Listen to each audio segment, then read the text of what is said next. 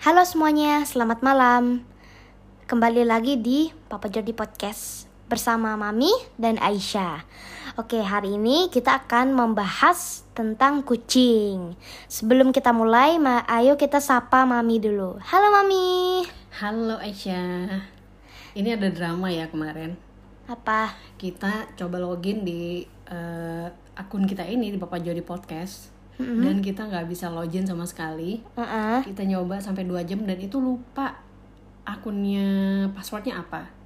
Akhirnya kita email ke helpdesk eh, Anchor dan alhamdulillah thank God langsung dibales dalam kurun waktu kurang dari 24 jam. Akhirnya ternyata kita tahu apa sih masalahnya kenapa kita nggak bisa login podcast kita kemarin emailnya salah nggak pakai titik oke finally kita bisa um, podcastan lagi karena kita udah kangen banget sama podcast ya Iya. nah terus mau bahas kucing nih Syah Iya. kita pernah janjiin ya bahwa kita tuh mau bahas kucing ya udah dari lama banget Iya. nah kebetulan kan kita punya empat kucing nih Iya. nah kita mau sharing mengenai dunia perkucingan yang kita tahu-tahu aja Mm-mm. Nah, mungkin dari Aisyah eh, pengen sharing apa dulu nih tentang kucing? Eh, kita akan sharing tentang aku mau nanya sesuatu sama Mami. Mm-mm. Apa sih enaknya memelihara kucing? Hmm, kalau buat mami sih enaknya memelihara kucing. Yang pertama, kucing itu setia menemani kita. Jadi kalau misalnya kita lagi sepi, kita lagi merasa sedih, ntar ada temennya kucing. Iya. Nah, misal nih lagi sedih nih, lagi duduk sedih diam itu kucing. Kalau kucing kita ya, dia bisa merasakan getaran perasaan kita. Dia Iya. bisa merasakan bahwa kita tuh lagi sedih, kita lagi happy. Kalau kita lagi sedih, ntar dia datang deketin kita, Mm-mm. manja-manja sama kita. Itu cara dia membelai kita. Karena kan kucing nggak mungkin membelai kita kan. Mm-mm. Tapi dia datang ke kita dan dia bersikap manja sama kita. Itu cara dia membelai kita dan menenangkan menenangkan perasaan kita. Ya, jadi kucing itu bisa mengerti perasaan kita ya, Mi. Iya. Nah, ya. Terus ada fakta nih, kucing itu bisa juga menunjukkan kalau dia sayang sama kita. Tapi cara dia memberitahu kita kalau dia sayang sama kita itu pakai hal-hal yang sebenarnya sebenarnya nggak biasa. Itu tuh kayak misalnya membawa ikan, ikan mentah, ikan mayat ikan gitu, mayat tikus, tikus mati yang udah Bangkai- bangkai iya bangkai tikus, maksudnya sorry sorry bangkai tikus dan itu dulu dulu nih ya dulu banget waktu aku masih kecil Kari kucing aku yang sekarang eh, Udah di luar udah rumah. udah di luar rumah dan jarang ke sini sini. Itu dia pernah datang ke rumahku dia bawa tikus yang udah mati.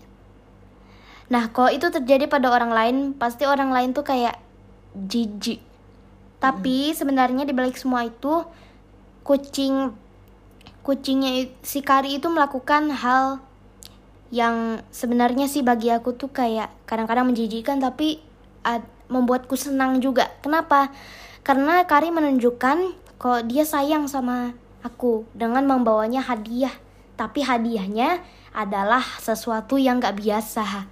Jadi eh, itu maksudnya kalau misalkan dia nggak biasa main tikus, dia nggak bisa makan tikus, terus tiba-tiba dia datang bawa tikus itu berarti dia membawakan hadiah buat kita gitu ya. Iya.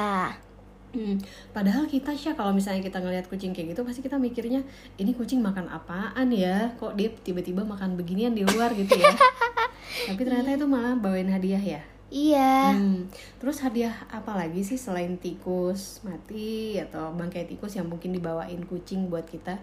Biasanya itu bangkai-bangkai hewan yang biasa dibawa.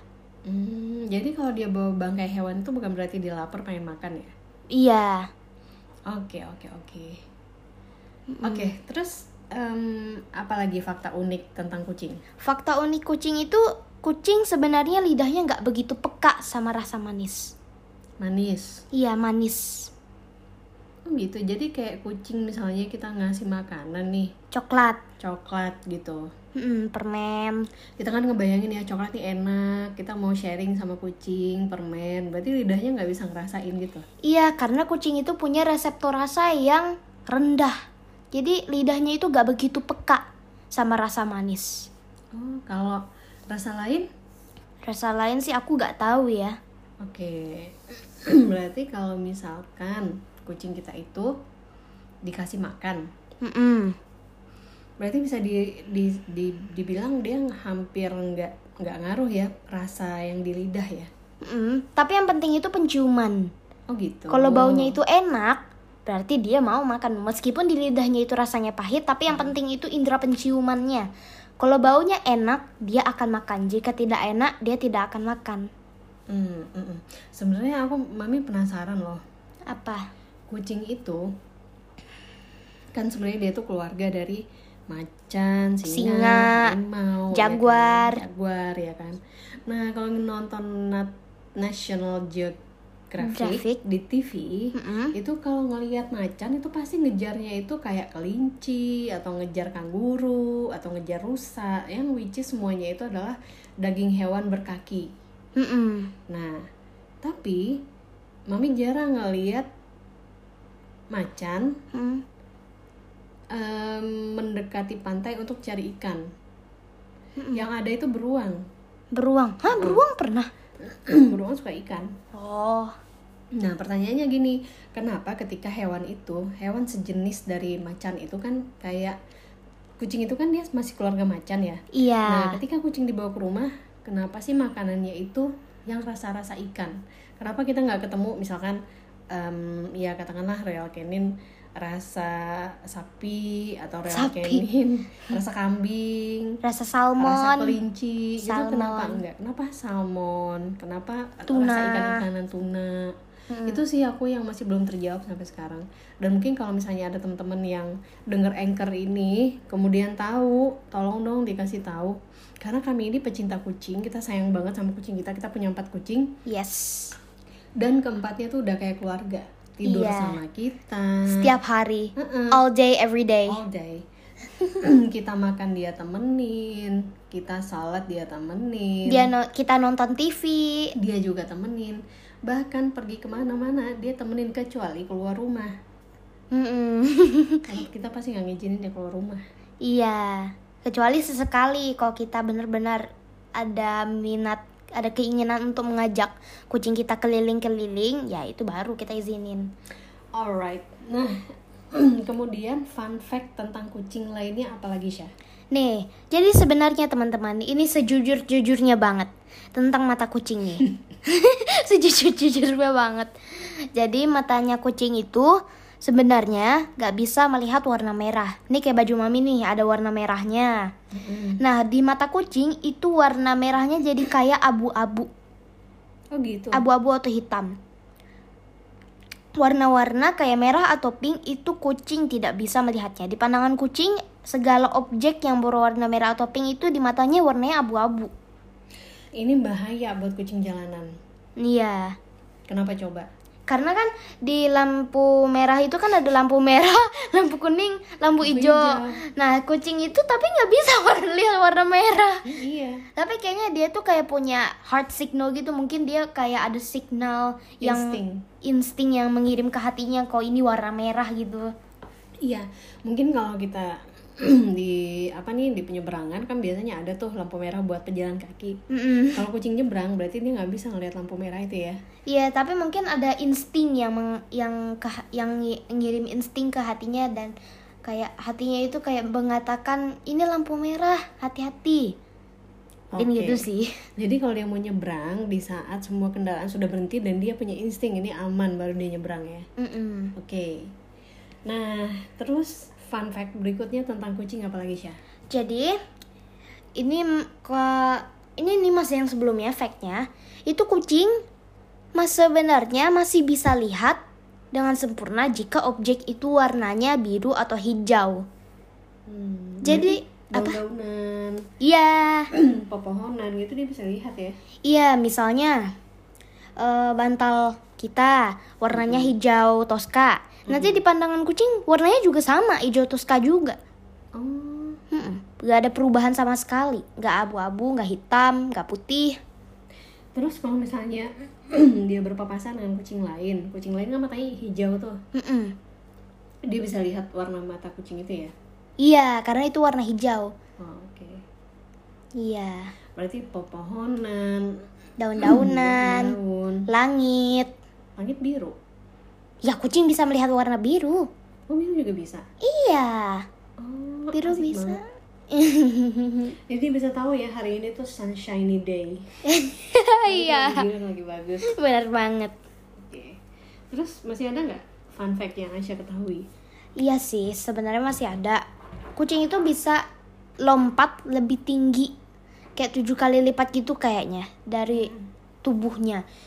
Tapi Dari itu tinggi badannya. iya dari tinggi badannya kok nggak salah ya. Oke. Tapi itu tergantung sama ototnya. Kok ototnya itu benar-benar kuat itu, itu kan dia bisa lompat. Tapi ada juga yang ototnya itu nggak terlalu kuat untuk loncat lebih tinggi.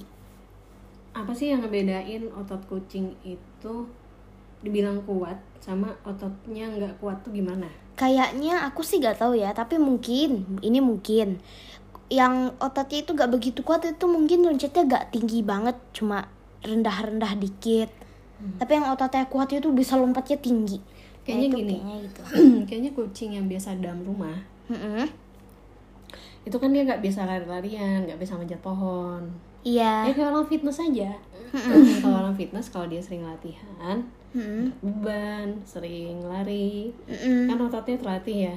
Kalau kucing dalam rumah mungkin karena pergerakannya terbatas, ototnya tidak sekuat kucing-kucing yang ada di jalan kali ya. Mm. Karena kucing yang ada di jalan itu kan dia bisa manjat pohon, ya Iya. kan? biasa naik tangga, nyebrang jembatan penyeberangan. Mm-mm. Nah, terus ngomong-ngomong tentang soal otot kucing, nih, misal kalian lagi ngejar-ngejar kucing nih, terus nanti ada tempat sempit kan, tempat tidur itu kan kolongnya ada yang sempit kan, Mm-mm. nah itu kucing bisa masuk ke situ dan kita tuh kayak mungkin merasa bertanya, wah kenapa sih kucing ini bisa masuk ke tempat-tempat yang sempit? Ini karena berkat kerjasama otot belakangnya, otot punggungnya, sehingga kucing bisa masuk ke dalam tempat-tempat yang sempit. Itu yang paling unik tentang kucing. Makanya aku tuh pengen punya kucing karena kucing itu punya banyak keunikan.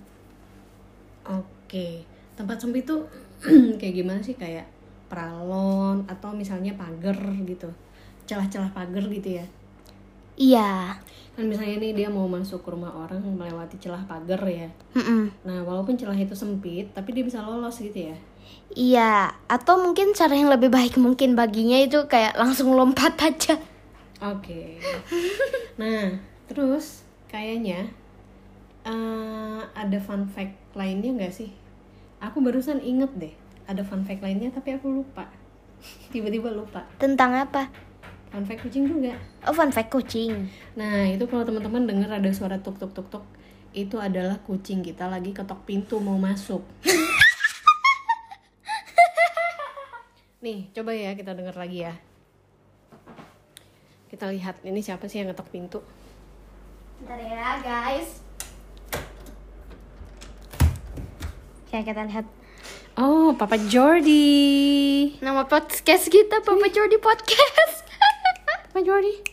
Sini. Nah, ada juga yang mau keluar. temen-temen kita itu kalau manggil kucing kita itu bukan, nah nggak kayak gitu, kan? Kalau orang kan manggil kucing kan, pus, gitu ya. Iya. Kalau kita enggak, kalau kita tuh manggil kucing kita pakai jentikan jari.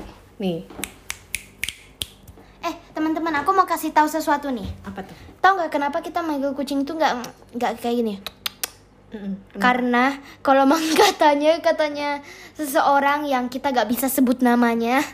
Nah, itu dia bilang, beliau bilang, kok kita panggil nama kucingnya pakai kayak gini, itu kayak pang- orang lagi manggil kucing kampung. Oh, oh gitu. Iya, maksudnya kucing kampung itu kan kucing yang berada di jalanan kan. Dan kelemahannya nih kalau kita membiasakan manggil kucing kita seperti itu, nanti pas kita mau ngasih makan, misalnya nih gitu ya. Itu semua kucing yang di teras juga itu pada datang karena dikira dia juga dipanggil. Tapi kalau kita manggilnya kayak gini, nah itu yang ngerti cuma kucing kita doang Mm-mm. gitu. Tapi kucing jalanan juga bisa ngerti sih sama tangannya gitu. Mm-mm. Nah, aku mau cerita nih Syah, masih ada fun fact berikutnya. Mm-mm. Jadi kucing dia di steril nih ceritanya. Iya. Nah, kucing yang ketika dia sudah eh, apa namanya dia sudah eh, layak nikah, dia sudah layak kawin ya maksud aku ya. Mm-mm. Dia sudah layak kawin, Mm-mm. dia sudah pernah kawin, Mm-mm. baru di steril. Mm. Nah, nanti setelah dia di steril, dia masih akan melakukan perilaku-perilaku kawin. Mm-mm. Kenapa? Karena di memorinya dia, dia tuh pernah kawin. Dia pernah kawin tapi di steril. Harusnya kita steril dia sebelum dia sebelum kawin. dia kawin, sebelum dia terbiasa kawin. Nah, kalau misalnya ada kucing betina, miong, miong gitu minta kawin gitu ya, Mm. nyari cowok. Nah, dia tuh instingnya mengatakan, oke gue cowok. Jadi dia datengin tuh kucing betina. Mm. Dia Akhirnya- berusaha dia kawinin kan. Masalahnya harusnya itu kan kasihan ya di memorinya dia dia tuh seekor cowok yang bisa kawin. Mm. Nah, mendingan kucing itu sebelum dia Kawin. kawin, dia udah di steril. Walaupun itu pendapat kita kan. Walaupun ada orang lain yang berpendapat kalau dia di steril, ya udah biarkan dia merasakan kawin lebih dulu. Nah, cuman sayangnya kalau dia dibiarin uh, Kawin kawin, lebih dulu. dulu, itu dia pernah mem- mempunyai memori itu setelah dia di steril dia tidak bisa kawin tapi di memorinya masih ada bahwa dia tuh bisa kawin jadi dia bingung loh aku nih bisa kawin tapi kenapa Aku di steril. enggak aku aku tuh biasanya bisa kawin tapi kenapa aku nggak bisa kawin nah intinya gitulah Mm-mm. gitu nah terus fun fact berikutnya adalah kucing ketika dia dibiasakan manja Mm-mm. dia akan lebih manja Mm-mm. dan kucing itu aslinya nggak suka digendong Oh, iya aslinya kucing tuh nggak suka digendong iyalah. Kadang-kadang aku tuh kalau ngegendong Jody tuh kayak dia gigit tanganku. Tapi kalau kita tuh membiasakan menggendong kucing, memeluk kucing. Makanya kalau kita lihat di YouTube ada tuh kucing yang peluk eh, tuannya, Mm.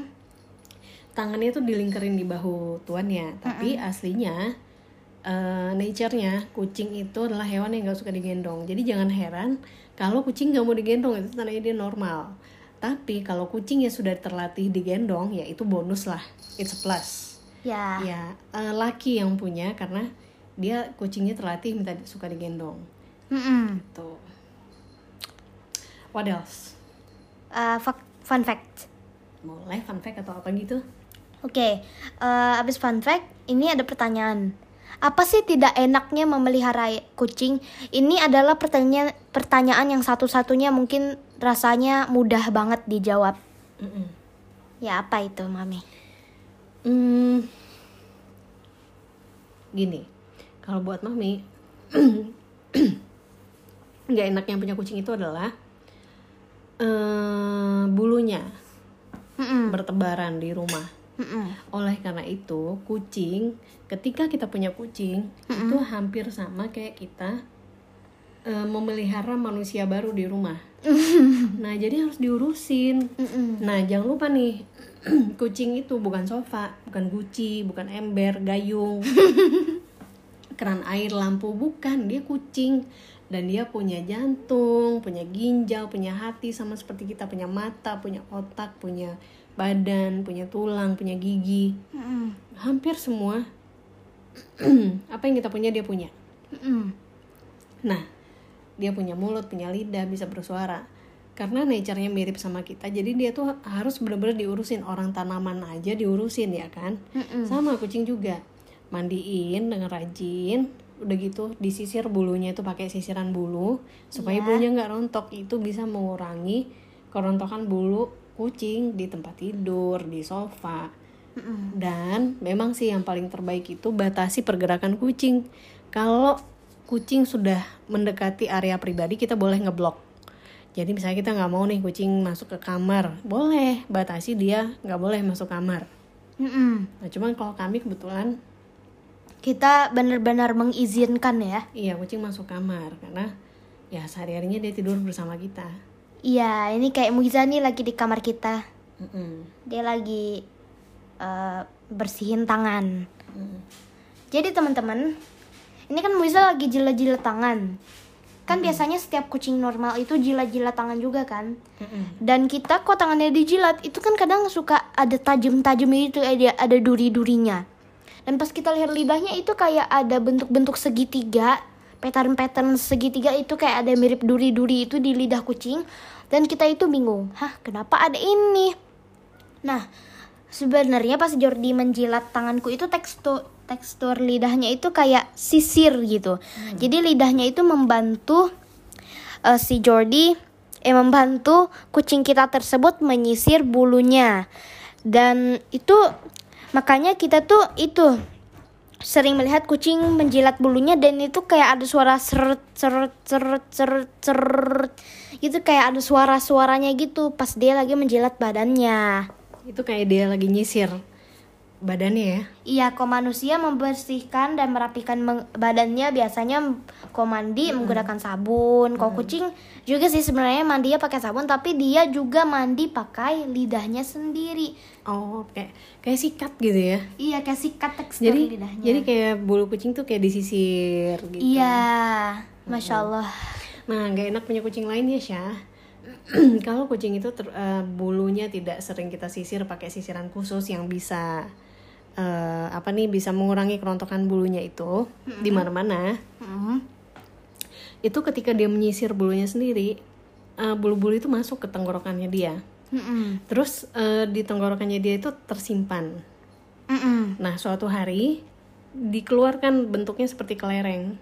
Mm-mm. itu kumpulan bulu-bulu yang dia sisir itu dia keluarin lagi namun maaf ya maaf nih muntahan itu tuh kadang-kadang tuh suka ada di lantai Iya. itu nggak enaknya punya kucing kalau kita lupa ngurusin bulu kucing ini tapi ya itu eh, harus di ini harus dibersihin secara berkala sih ya emang gitu resiko punya kucing tapi ya Kita worth sabar aja.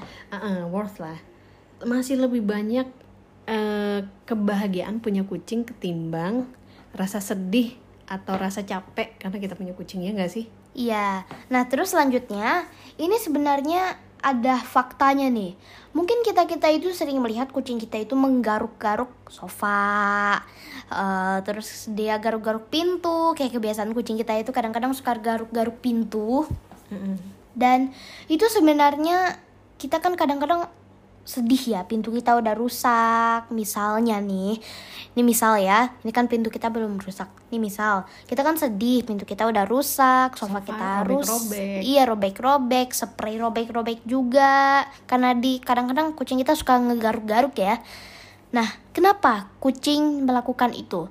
Pasti kita menganggap dia benar-benar tega melakukan itu. Oh kamu tega banget sih cing dan sampai-sampai kita bisa membalas dendamnya kayak kita tuh sentil-sentil dia padahal tuh gak boleh sebenarnya ada faktanya di balik itu semua Mm-mm. jadi kucing menggaruk-garuk sesuatu sebuah objek Gatal. bukan Kukunya gatal pengen ganti kuku. bukan Pengen mengasah kuku biar tajam. bukan semuanya salah Apa dong? jawabannya adalah karena untuk menandai wilayah kuasanya Hmm. Jadi dia kayak ngomong ya ini nih mainan aku. ini tempat aku berkuasa tempat kuasaku Oh ini tempat yang aku kenali. Mm-mm. I was here gitu ya. Iya. Oke oke oke. Oke oke oke. Nah, aku juga punya nih Uh-uh. fun fact satu lagi. yes Kucing itu ketika kita membalai badannya, iya kita sayang-sayang kucingnya. iya Kalau dia merasakan getaran rasa sayang kita, Mm-mm. dia akan memandang wajah kita. Iya, memandang wajah kita dengan tatapan yang kayak mengirimkan kasih sayang gitulah. Mm. Dia pengen pengen melihat dari mata kita.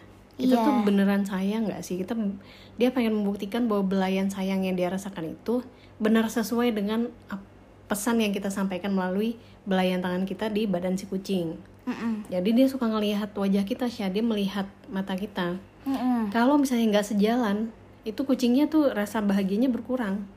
Ya ada ada apa sih istilahnya ada rusak lah rasa bahagia itu bahagia juga sih senang juga sih dia dibelai cuman agak agak dia ngerasa nggak nggak dicintai seperti yang dia sangka Ya, jadi maksudnya itu dia kita tuh belai-belainya kayak gak benar-benar uh, bersungguh-sungguh mengatakan kok kita tuh sayang padanya. Jadi kita tuh kayak ada maaf nih ya, ada efek gak ikhlasnya. hmm bener bener bener bener, bener. Mm-mm. nah jadi mungkin em, itu aja pesan kita hari ini kayaknya ya karena udah hampir setengah jam Yes. oke dan kita mau makan malam Ya, Alright, nanti next time insya Allah kita bikin podcast lagi. podcast lagi. Jangan lupa nanti disaksikan audio-audio baru di Papa Jordi Podcast ya Dan jangan lupa untuk subscribe Papa Jordi Podcast Karena dengan itu artinya Anda sudah mendukung dan nge-support Papa Jordi Podcast Thank you. Nah, satu lagi pesan kita yang terakhir, Mm-mm. jangan lupa. Ayo, ayo, ayo. Punya kucing yuk, punya kucing. Punya kucing, punya kucing Iya, pelihara kucing ya. Happy loh pelihara kucing.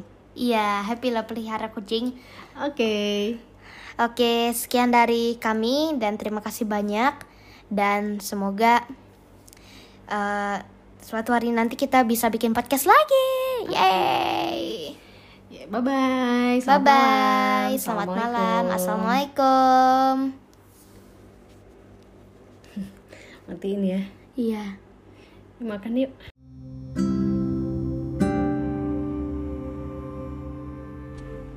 Assalamualaikum warahmatullahi wabarakatuh. Waalaikumsalam warahmatullahi wabarakatuh. Teman-teman, kami bawa berita agak sedih nih, soalnya kucing kita lagi sakit. Nah, kami nggak mau kasih tahu namanya ya siapa yang lagi sakit. Cuman kasih tahu nggak? Hmm, ciri-cirinya aja. Ciri-cirinya dia jenisnya Bengal dan dia cowok dan waktu dia kecil itu dia eh, apa ya? Dia tuh kayak suka gigit-gigit tiang eh, kasur. Oke, kayaknya sudah terlalu menjurus ya. Mm-mm. Kita kenalin nama kucing kita adalah Rimba. Yes. Nah, jadi ceritanya nih, eh, saat ini kan di Jakarta kan cuaca lagi turun naik ya, kadang Ya, panas, ekstrim. ekstrim, kadang panas, ntar tiba-tiba jadi hujan, ntar tiba-tiba jadi panas lagi, tiba-tiba sejuk, tiba-tiba dingin. Itu nggak siang nggak malam kita rasakan. Mm-mm. Bahkan nih, misalnya kita lagi tidur malam, Iya. itu kita nyalain AC nggak gede-gede paling 22 eh, derajat, Derajat. celcius heeh. Terus tiba-tiba nggak taunya sekitar jam eh, 2 jam 3 jam 4 pagi tuh dingin banget. Padahal waktu baru kita nyalain tuh AC-nya nggak sedingin itu rasanya. Mm-mm. ya misalnya nyalain sekitar jam 8 jam 9 ya sampai jam 10 11 12 itu masih biasa aja. Tapi pas sudah lebih menjelang pagi itu dingin banget. Itu beda dari yang sebelumnya. Nah itu cuaca yang ekstrim berubah itu menyebabkan AC-nya jadi dingin gitu ya. Mm-mm. Nah, itu menyebabkan kita bisa sakit.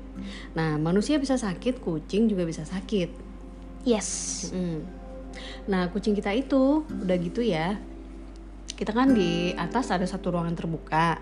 Yes. Nah, jadi sirkulasi udaranya tuh eh, gede ya di lantai atas itu ya. Mm-mm. Nah, kucing-kucing kita ini hampir semuanya tuh suka ngumpul di atas itu. Kadang nggak siang sampai malam mereka ngumpul di situ. Ntar abis makan di bawah, abis dia ke toilet training di bawah, ntar dia naik lagi ke atas sampai malam. Nah mungkin karena siang-siang hangat atau siang-siang hangat terus tiba-tiba hujan terus tiba-tiba hangat lagi tiba-tiba malam dan kemudian dingin jadi kucingnya sakit dia demam nih nah mungkin Aisyah bisa cerita eh gimana sih waktu Rimba itu demam Aisyah melihat apa perubahan sikap dari Rimba Jadi teman-teman, eh, pendapatku si Rimba itu waktu sakit dia jalannya itu kayak nggak kucing normal gitu. Jadi kayak jalannya itu kayak badannya lemah banget. Terus dia kok maaf nih ya, aku harus terpaksa memberitahu tapi ini bukan hal yang jelek. Tapi waktu kita mau suapin Rimba itu Rimba susah banget makannya. Kita frust aku frustasi banget. Tapi alhamdulillah pada akhirnya dia tertarik sama makanannya kita makan. Kita rutin kasih dia wet food dan sekarang kita kasih dia makanan yang dry food. Dan ternyata alhamdulillah dia suka dan ha, eh, dia sakitnya tanggal 7 Juli 2021 dan ini udah lewat beberapa hari tapi dia masih sakit tapi alhamdulillah udah membaik teman-teman. Udah dari kemarin kemarin membaiknya kita seneng banget dan dia ternyata alhamdulillah suka sama dry foodnya dimakan banyak dan alhamdulillah dia udah mau makan sekarang Mm. nah jadi waktu tanggal 7 itu itu kan dia suka di atas ya iya Nah tiba-tiba kepikiran nih si Rimba eh, ini ya eh, kenapa terlalu sering di atas ya? Ternyata dia sering di atas itu karena emang udaranya sejuk dan dia bisa melihat alam liar, eh alam luar. Kehidupan di luar gitu kan. Nah akhirnya si Rimba itu kami paksa masuk ke dalam digendong tuh masuk ke dalam rumah turun ke bawah. Nah pas dia udah nyampe di bawah kita sediain makanan kan seperti biasa. Nah dia tuh makannya kurang. Karena makannya kurang kita curiga dia sakit. Akhirnya kami melakukan terapi makan buat dia. Yes, jadi teman-teman kita rutin banget kasih dia makan makanan wet food rasa tuna. Nah kita eh kita kan nggak mau ya Rimba tuh makannya yang wet food wet food tuna terus. Mereknya gak usah disebutkan ya. Nah terus kita beli dry food eh itu yang buat kucing dewasa buat setahun lah, kok nggak salah. Nah itu kita kasih, kita borong eh, bungkus-bungkusnya itu kebetulan kita pesan banyak supaya kok habis nanti masih ada. Soalnya kita ya pengen hemat-hemat uang dulu ya. Mm-mm. Nah, alhamdulillah semuanya pada suka kecuali Muiza. Muiza gak mau makan. Iya. Nah, terus yang tentang si Rimba ini nih ceritanya tanggal 7 tanggal 7 Juli kemarin dia kan sakit ya. Nah, terus dia kita eh, ini kita eh, lakukan home care gitu kan.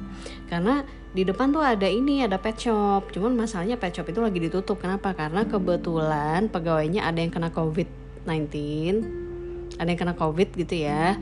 Udah gitu eh, karyawan itu di karantina. Nah, waktu karyawannya di karantina, satu ruangannya itu dikosongin dulu sama 14 hari terus didesinfektan. Sehingga kami nggak bisa bawa kucing kami ke dokter. Bawa jauh-jauh juga nggak bisa, soalnya ini kan hari kerja ya. Nah, hari kerja tuh sulit. Sulit banget deh buat keluar. Bisanya tuh eh, di luar jam kerja. Cuma kalau mau pergi jam kerja gitu kan susah juga kan. Pet shop yang lain juga udah pada tutup gitu kan. Akhirnya kita ngelakuin home care. Kita usahain dulu eh, memperkuat badannya gimana caranya ngasih makan dan minum yang benar sama vitamin-vitamin ya kan nah akhirnya cara wet foodnya itu awalnya tuh kita suapin dia nggak mau kita kasih dulu nih di tempat makan dia nggak mau akhirnya karena dia nggak mau kita coba ubah wadahnya ganti wadahnya dengan wadah yang baru nggak mau juga akhirnya gimana caranya teman-teman supaya dia mau makan kami suapin gimana caranya ditaruh di tangan Oke. Nah, ditaruh di tangan itu, itu bener-bener kayak makan padang. Jadi kayak kita makan padang gitu kan kita raup gitu ya pakai tangan ya. Mm-mm. Nah, pas diraup pakai tangan disuapin ke mulutnya dan itu harus sedikit-sedikit sebesar eh, kacang mede. Nah, kecil-kecil, ntar dia itu juga sebesar kacang mede itu abisnya kali lama ya, bisa kali hampir satu menit baru dia bisa abisin karena seleranya lagi nggak enak banget kan, selera makannya lagi lagi nggak enak, mungkin penciumannya juga lagi terganggu kan. Nah, terus akhirnya disuapin sedikit demi sedikit, di, di sedikit demi sedikit dia tadinya nolak gitu. Dia eh, m- melihat ke kiri dan ke kanan, menggeleng ke kiri dan ke kanan karena dia nggak mau kan. Iya, jadi termasuk minum susu itu dia juga gitu. Kita kasih susu yang gak ada laktosanya yaitu bear brand karena kucing itu kan gak toleran sama laktosa. Most of cats banyak banget banyak banget kucing termasuk kucing-kucing kucing-kucing kita ini lebih banyak kucing yang gak toleran sama laktosa. Artinya apa? Mereka alergi sama laktosa. Laktosa itu apa? Laktosa itu gula. Biasanya laktosa itu terdapat di susu. Oh gitu, oke. Ya jadi karena susu Bear Brand jadi ada seorang cowok gitu ya dia bikin konten dia saran kasih Blue Brand Bear Brand aja karena nggak ada laktosanya dia kasih saran jadi kayak kita oke kita coba Nah kebenaran kita lagi eh, kita juga biasa minum Bear Brand dan kita stok di rumah ya. Mm-mm. Nah terus si Rimba ini kita kasih makan di waktu yang sangat teratur. Pagi siang sama malam. Pagi dikasih wet food siang dikasih wet food malam dikasih wet food. Awalnya di hari pertama makan wet food itu di hari tanggal 7 Juli yang dia sakit itu ya itu dia satu bungkusan makanan wet food itu dia cuma mau abisin sepertiga. Nah tapi kok sekarang Masya Allah teman-teman. Dia udah abisin banyak banget Sampai isi bungkus wet foodnya itu habis. Kosong isinya. Ya kosong isinya. Nggak ada sisa satupun Mm-mm. Nah terus eh, itu baru makan ya teman-teman ya. Karena kan biasanya kucing yang sakit itu dia sulit menelan ya kan? Kita kasih wet food. Terus kita juga suap- eh, dikasih es dikasih susu dia mau gitu. Tapi kita juga nggak mau dong dia minumnya susu aja. Bagaimanapun kan kayak kita manusia gitu pasti kita juga butuh air putih Iya, jadi aku dan mami kasih dia air putih. Dan tadi kita sedot alhamdulillah Rimbanya nurut sama mami. Dan mami seneng banget karena Rimba nurut banget gitu. Kayak dia mau minum gitu. Karena berkat dia minum dia nggak akan dehidrasi. Mm-mm. Nah, jadi eh, maksudnya Aisyah itu dia dikasih minum pakai sedotan. Eh, mungkin namanya pipet kali ya, yang dipencet, terus ada tabung kacanya sebesar eh, sedotan. Tabung kaca itu ada milimeter-milimeternya itu tuh yang buat obat tetes gitu. Nah, itu kita kasih sedotan itu, airnya kita ambil pakai itu, kita sedot airnya di cangkir, terus kita suapin sama rimbanya. iya Nah itu dia mau eh, awalnya dia agak nolak-nolak juga sih, cuman ya eh, Rimba itu juga ngasih makannya tuh kita ajak ngomong ya Syah. Iya kita ajak ngobrol ngobrol. Jadi kita tuh kayak bilang Rimba lekas sehat ya. Mm-mm. Semoga kamu bisa main lagi sama Jordi, Lulan, Rimba, Muiza. Iya. Udah gitu dia ini eh, pas kita kasih makanan minum tuh kita bilang, "Uh, anak pinter, good boy, eh, anak ganteng, pinter cepat sehat ya." Nah, kalaupun dia nggak mau, nih kan dia nolak nih mak- ngabisin makanan ya Syah.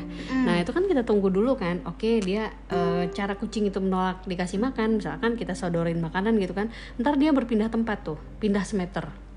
Ya, pendapatku mungkin dia kadang-kadang setiap mau makan tiba-tiba nafsu makannya hilang. Mm-mm. Terus nanti datang terus nanti ada lagi, terus hilang lagi. Kayak ibarat cuaca yang ekstrim lah.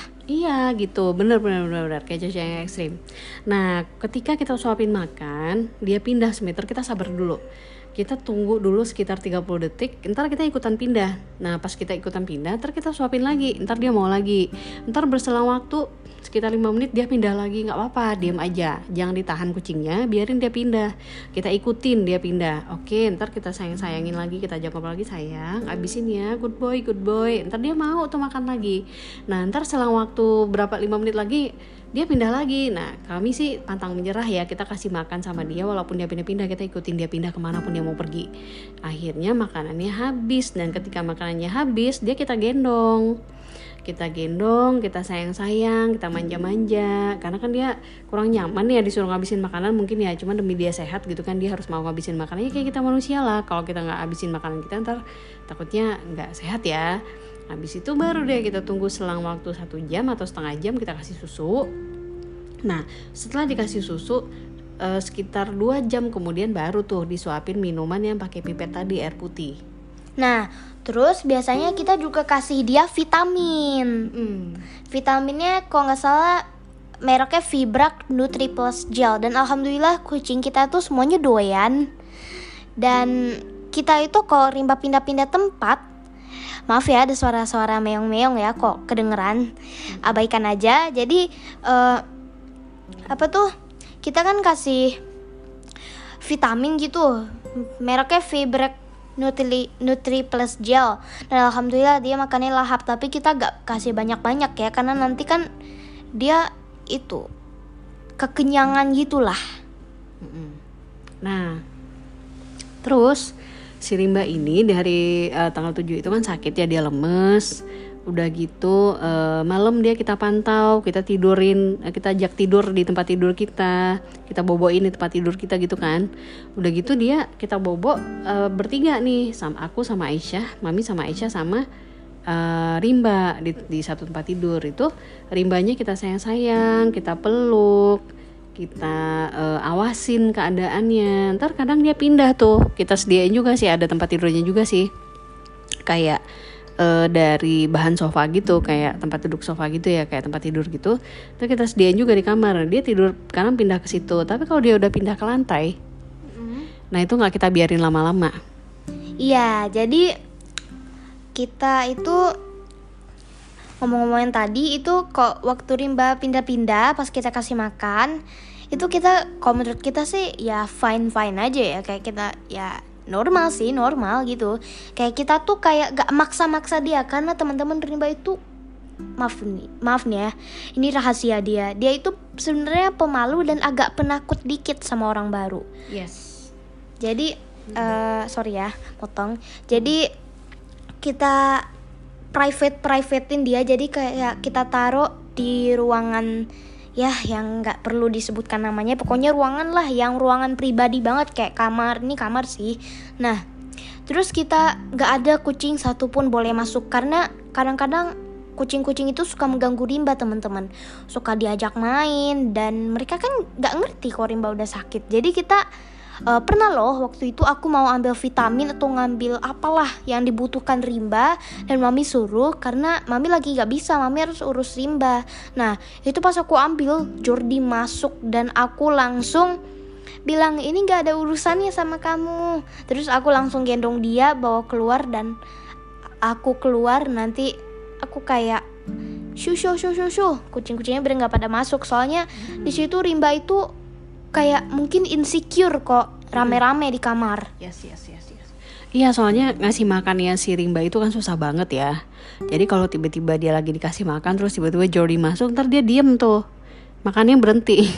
Dia ke distract gitu Nah kita menghindarkan dia dari distraction yang seperti itu. Jadi kalau dia lagi disuapin makan, ya dia dibiarin konsen makan dulu dan tenang-tenang. Karena si rimba ini seperti yang kata Aisyah tadi, di samping dia itu agak sedikit penakut dan sering merasa insecure. Jadi dia uh, tipe cowok sensitif gitu loh. Iya, jadi beberapa kucing itu kan sifatnya berbeda-beda ya. Ada yang kadang-kadang uh, mudah banget sensitif gitu. Tapi kan walau begitu kan kalau walau dia mudah sensitif kan gak artinya dia kucing yang gak normal kan? Ya normal normal aja sih. Soalnya kadang-kadang makhluk hidup itu kadang-kadang ada yang suka gampang sensitif kayak manusia sama kucing. Kadang-kadang suka merasa insecure kalau lagi sakit. Itu biasanya rata-rata hewan atau manusia juga mungkin kadang-kadang bisa merasa insecure kalau lagi sakit. Mm -mm. nah sekarang setelah melewati ini kayaknya hari ketiga ya. Nah di hari ketiga ini dia sudah lebih baik, makannya sudah ini, dia sudah makannya udah mau. Terus kalau digodain sama temen-temennya udah udah mulai uh, mau bergabung. Jadi di ruang tengah tuh udah mau bergabung, nggak ngumpet-ngumpet lagi. Biasanya kan kucing kalau sakit tuh suka menyendiri ya. Nah kita nggak mau ntar karena kita pernah dulu punya kucing namanya Joy.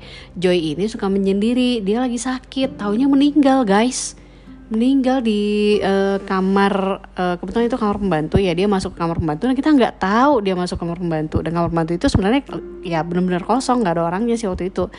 Meninggal di situ dan kita nggak tahu dia ada di situ. Jadi teman-teman kisahnya begini.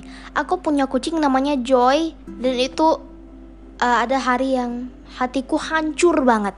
Aku juga sedih. Iya jadi Jordi eh kok Jordi ya si Joy. Hmm. itu kita pelihara barengan sama Kari. Kari itu kucing kampung yang udah di luar dan gak jarang kebalik dan jarang balik-balik sini. Dan kebetulan dia kabur.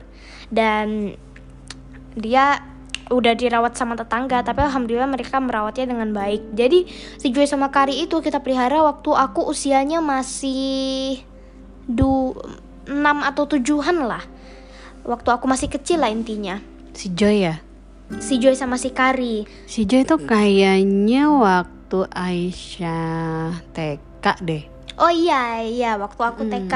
Tapi kalau Kari itu kayaknya waktu Aisyah umur kayak 2 3 tahun gitu. Dua tiga. Ya tiga tahun lah. Iya, jadi yang kita pelihara dulu lebih dulu itu si Kari terus nanti terus kisahnya begini teman-teman tentang Joy ini agak panjang. Jadi suatu hari ini sebelum covid mami sedang bekerja. Dan mami akan pulang malam itu. Di rumah aku bobo. Ah uh, kalau nggak salah habis nonton kartun di TV tiba-tiba aku ngantuk bobo tapi TV-nya udah mati. Nah Terus, Mami di jalan nemu dua ekor kucing. Yang warnanya hitam putih sama yang lainnya mirip hitam putih juga saudara kembarnya. Tiba-tiba yang satunya itu, yang bukan si Joy, itu ketabrak mobil merah dan akhirnya meninggal. Jadi dia nyebrang nih, dia masih anak-anak kucing banget ya kan. Jadi dia nyebrang sih di depan mobil kita. Ini mobilnya jalan kan pelan. Dia nyebrang depan di depan mobil kita. Dan kebetulan di depan mobil kita tuh ada mobil merah.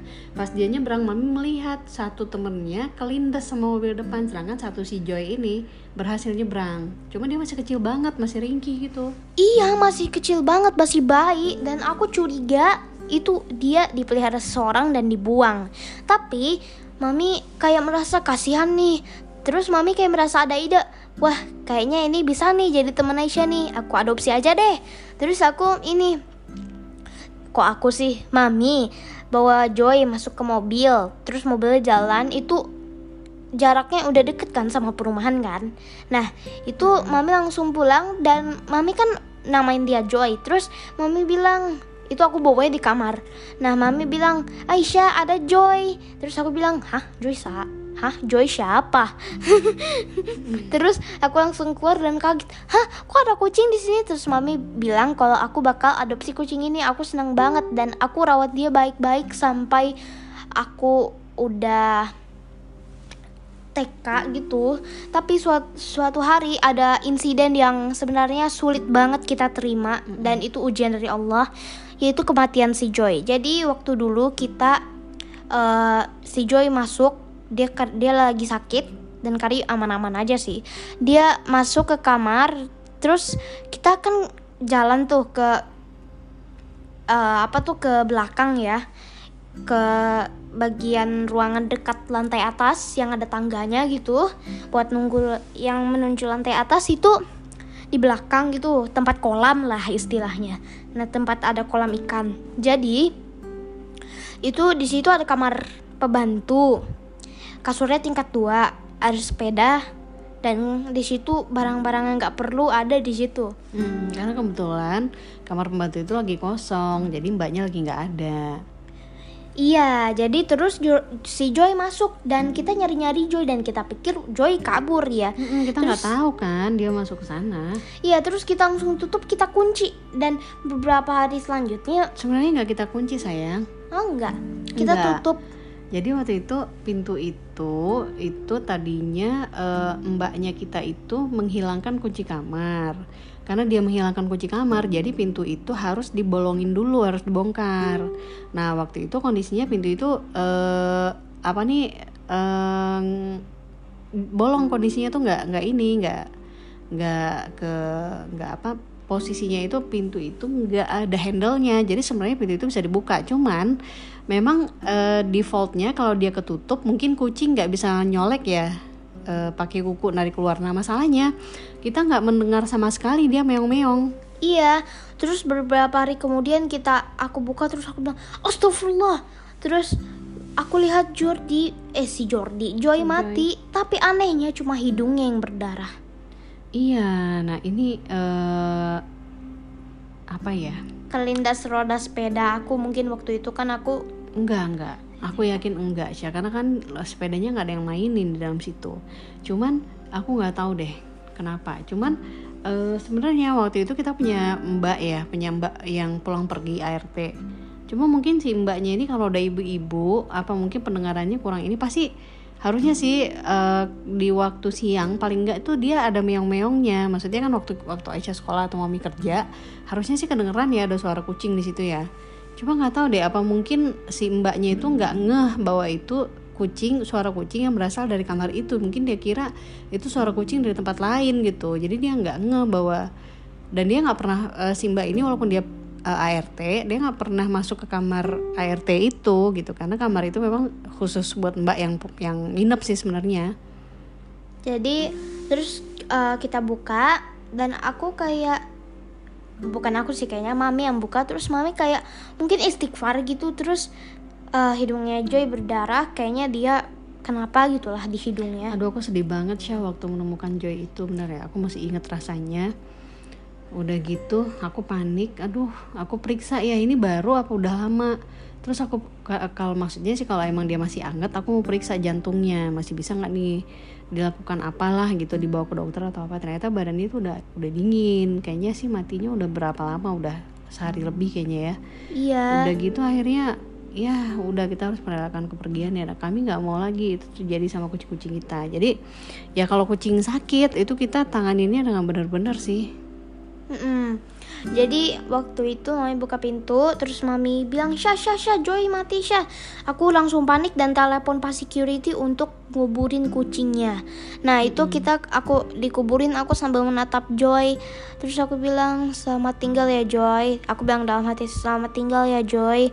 Semoga kamu bahagia di akhirat. Jangan sampai ad, kamu ada kesulitan di akhirat atau sesuatu terjadi padamu. Dan itu aku sedih banget pas melihat Joy lagi dimakamkan. Dan itu makamnya ada di teras rumah kita. Dan itu ada ada an- anaknya tetangga teman aku dia ngasih batu nisan di situ kayak kasih tanda gitu. Ini kuburan kucing. Mm-mm. Nah, mami ingat banget tuh waktu itu, waktu si Joy dikuburkan di situ kan Pak Satpam gali tanahnya ya. Itu eh, si Kari, Syah, Mm. datang. Dia eh, melihat ada beberapa kucing aja intinya yang eh, melihat pemakaman itu dan aku salut banget. Ternyata kucing tuh juga punya insting bahwa temennya mati. Jadi waktu si Joy dikuburkan itu banyak kucing-kucing jalanan yang di depan rumah kita. Eh, sebenarnya rumah kita kan dalam komplek ya, cuma maksudnya kucing-kucing komplek lah, kucing-kucing liar gitu. Termasuk si Kari yang dia juga sering main di luar, itu melihat pemakaman itu. Jadi kayaknya mereka bisa merasakan, wah ini ada yang wafat nih. Ini ada kucing yang meninggal nih, ada kucing yang mati nih. Kita sedih banget akhirnya ya itu. Itu sih aku nggak bisa lupa keadaan itu dan aku nangis berhari-hari.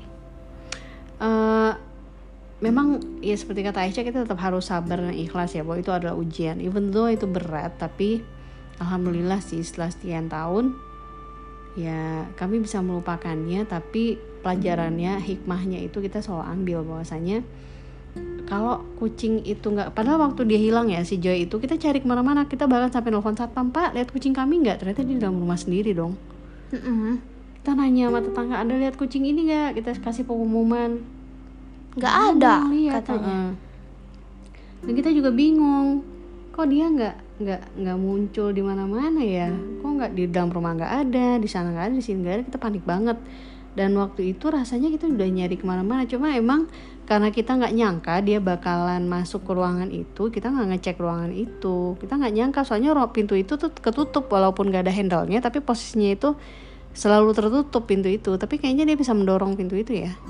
Iya, dan kok bahas-bahas tentang kematian Joy, ya Allah, aku sampai nangis. Ya Allah, aku udah netesin air mata, ya Allah. Aku tuh inget banget waktu itu mami ngefoto diri mami sama Joy yang waktu mami eh, mau bawa dia, mami mau OTW, maksudnya on the way ke rumahku. Itu aku pernah lihat mami lagi foto sama si Joy, itu aku sedih Waktu bayi itu banget. ya sayangnya yang waktu aku ambil di jalan ya Iya. sabar ya sayang Mm-mm, ujian. Allah udah kasih kita gantinya empat kucing yang lain Iya, alhamdulillah sih. Tapi harapanku sih si Joy itu tetap aman lah. Semoga dia selamat di akhirat. amin ya kalau Allah kalau kita mengharapkan itu Allah dan Allah em, berkenan merahmati kita kita masuk surga mungkin bisa aja nanti kita bisa minta ya Allah kumpulkan lagi kita sama Joy Kari Jordi Lulan dan Rimba dan Wiza Jadi teman-teman dulu itu kita juga punya kucing mati lagi nih sebelum pelihara Joy dan Kari. Ini waktu aku masih bayi, masih ada di kandungan perut mami.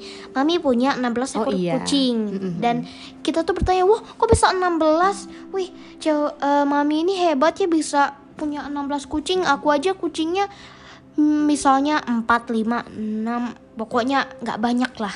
Nah terus sebenarnya mami, mami tuh kasih tahu aku, mami sharing ceritanya ke aku itu kucingnya 16 ekor karena beranak pinak bukan adopsi adopsi adopsi gitu. Jadi beranak pinak gitu. Dan satu-satunya kucing mami itu foto udah difoto aku lihat di Google Photos dan aku tuh kayak kangen gitu. Dan aslinya temen-temen nama Lulan itu kucing aku namanya Lulan yang warnanya hitam putih itu aslinya nama kucing mami yang udah mati itu saat eh, mami. Jadi mami itu punya 16 ekor kucing salah satu it- salah satu dari mereka namanya Lulan.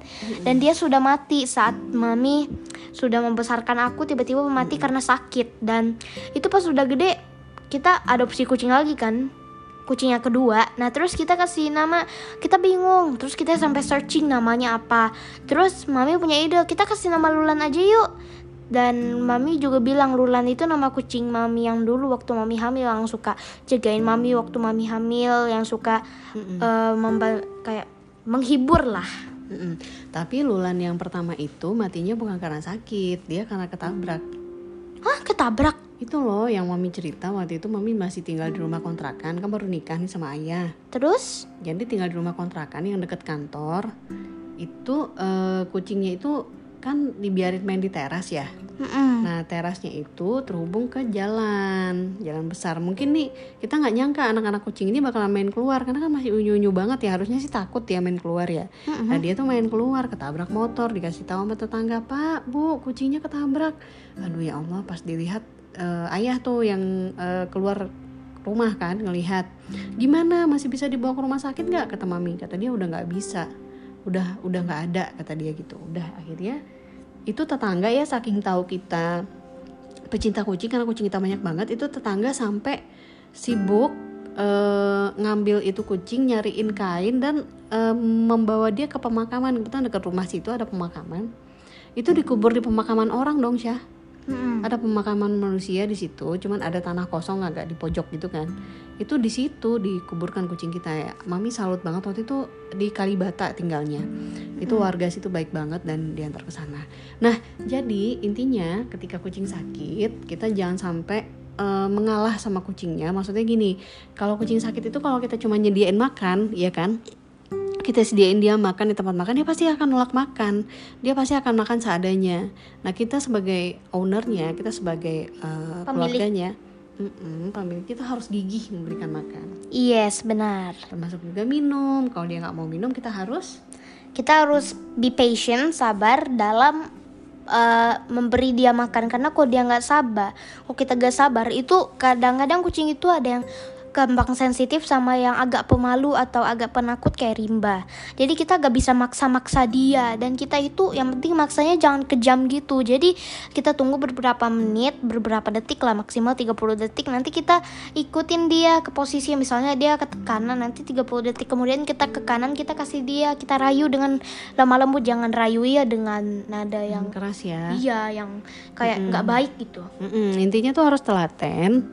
Udah gitu eh kalau pengen ngerasain ininya ya ngerasain apa namanya ngerasain suhunya itu kan sebenarnya ada yang alat suhu pengukur suhu itu melalui anus ya. Kalau kita nggak bisa masangnya melalui anus menurut aku nih menurut aku pribadi ya itu kita taruh aja makanan kucing yang wet food di telapak tangan udah gitu dirasa-rasa lidahnya lebih anget apa enggak kalau lidahnya hangat itu berarti dia kemungkinannya panas. Nah kasih aja banyak minum kasih banyak makan dan jangan biarkan dia tidur di lantai. Biarkan dia tidur di tempat yang hangat ya tempat tidur atau di sofa atau di mana. Nah terus kalau misalnya kondisinya udah membaik nah itu nggak apa-apa dia dibiarkan membaur dengan yang lain. Yang jelas eh, ketika kucing sakit kita tetap harus telaten seperti halnya kita me, eh, menghadapi menghadapi anak atau anggota keluarga yang sakit karena however kucing ketika dia once masuk di rumah kita dia adalah anggota keluarga kita Dan ingat, kucing itu bukan gayung, bukan lemari, bukan ember, bukan manusia. Pokoknya bukan barang, dia itu kucing.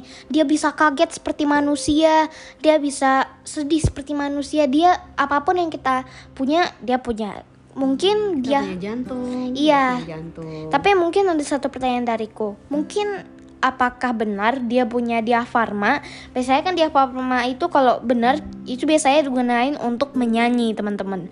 Kalau kita nyanyi itu benar, diafragmanya akan baik. Kalau kita nyanyi salah, itu diafragmanya nggak bagus. Ah, ah. Eh, aku juga nggak tahu sih kucing itu ada diafragma ya apa enggak cuman logikanya sih ada Kayaknya. Ah, ah. Oke. Oke, kayaknya kita udah setengah jam nih. Ini kebetulan di sini udah malam. Udah tengah malam, guys. Ah, ah, di sini malam minggu. Malam minggu, malam minggu. Baiklah, buat teman-teman yang lain selamat bermalam minggu, selamat istirahat dan jangan lupa tetap sehat di masa COVID-19 ini, di masa COVID pandemi ini. Kita harus tetap semangat dan kita harus tetap bersabar dan kita harus tetap patuhi protokol kesehatan supaya covidnya semakin hilang. Kayak maksudnya semakin membaik. Banyak banget warga yang sembuh. Ayo semangat. Pantang pantang menyerah.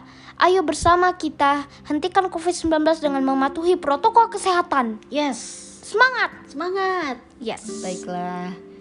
Dengan demikian, kita akhiri. Selamat malam. iya mohon maaf jika ada kesalahan di podcast ini dan di podcast lainnya bye bye, Assalamualaikum. Waalaikumsalam. Hello, Beb. Enggak, Ding. Oh, ternyata dia ini. Kita matiin ya. Iya. Alright.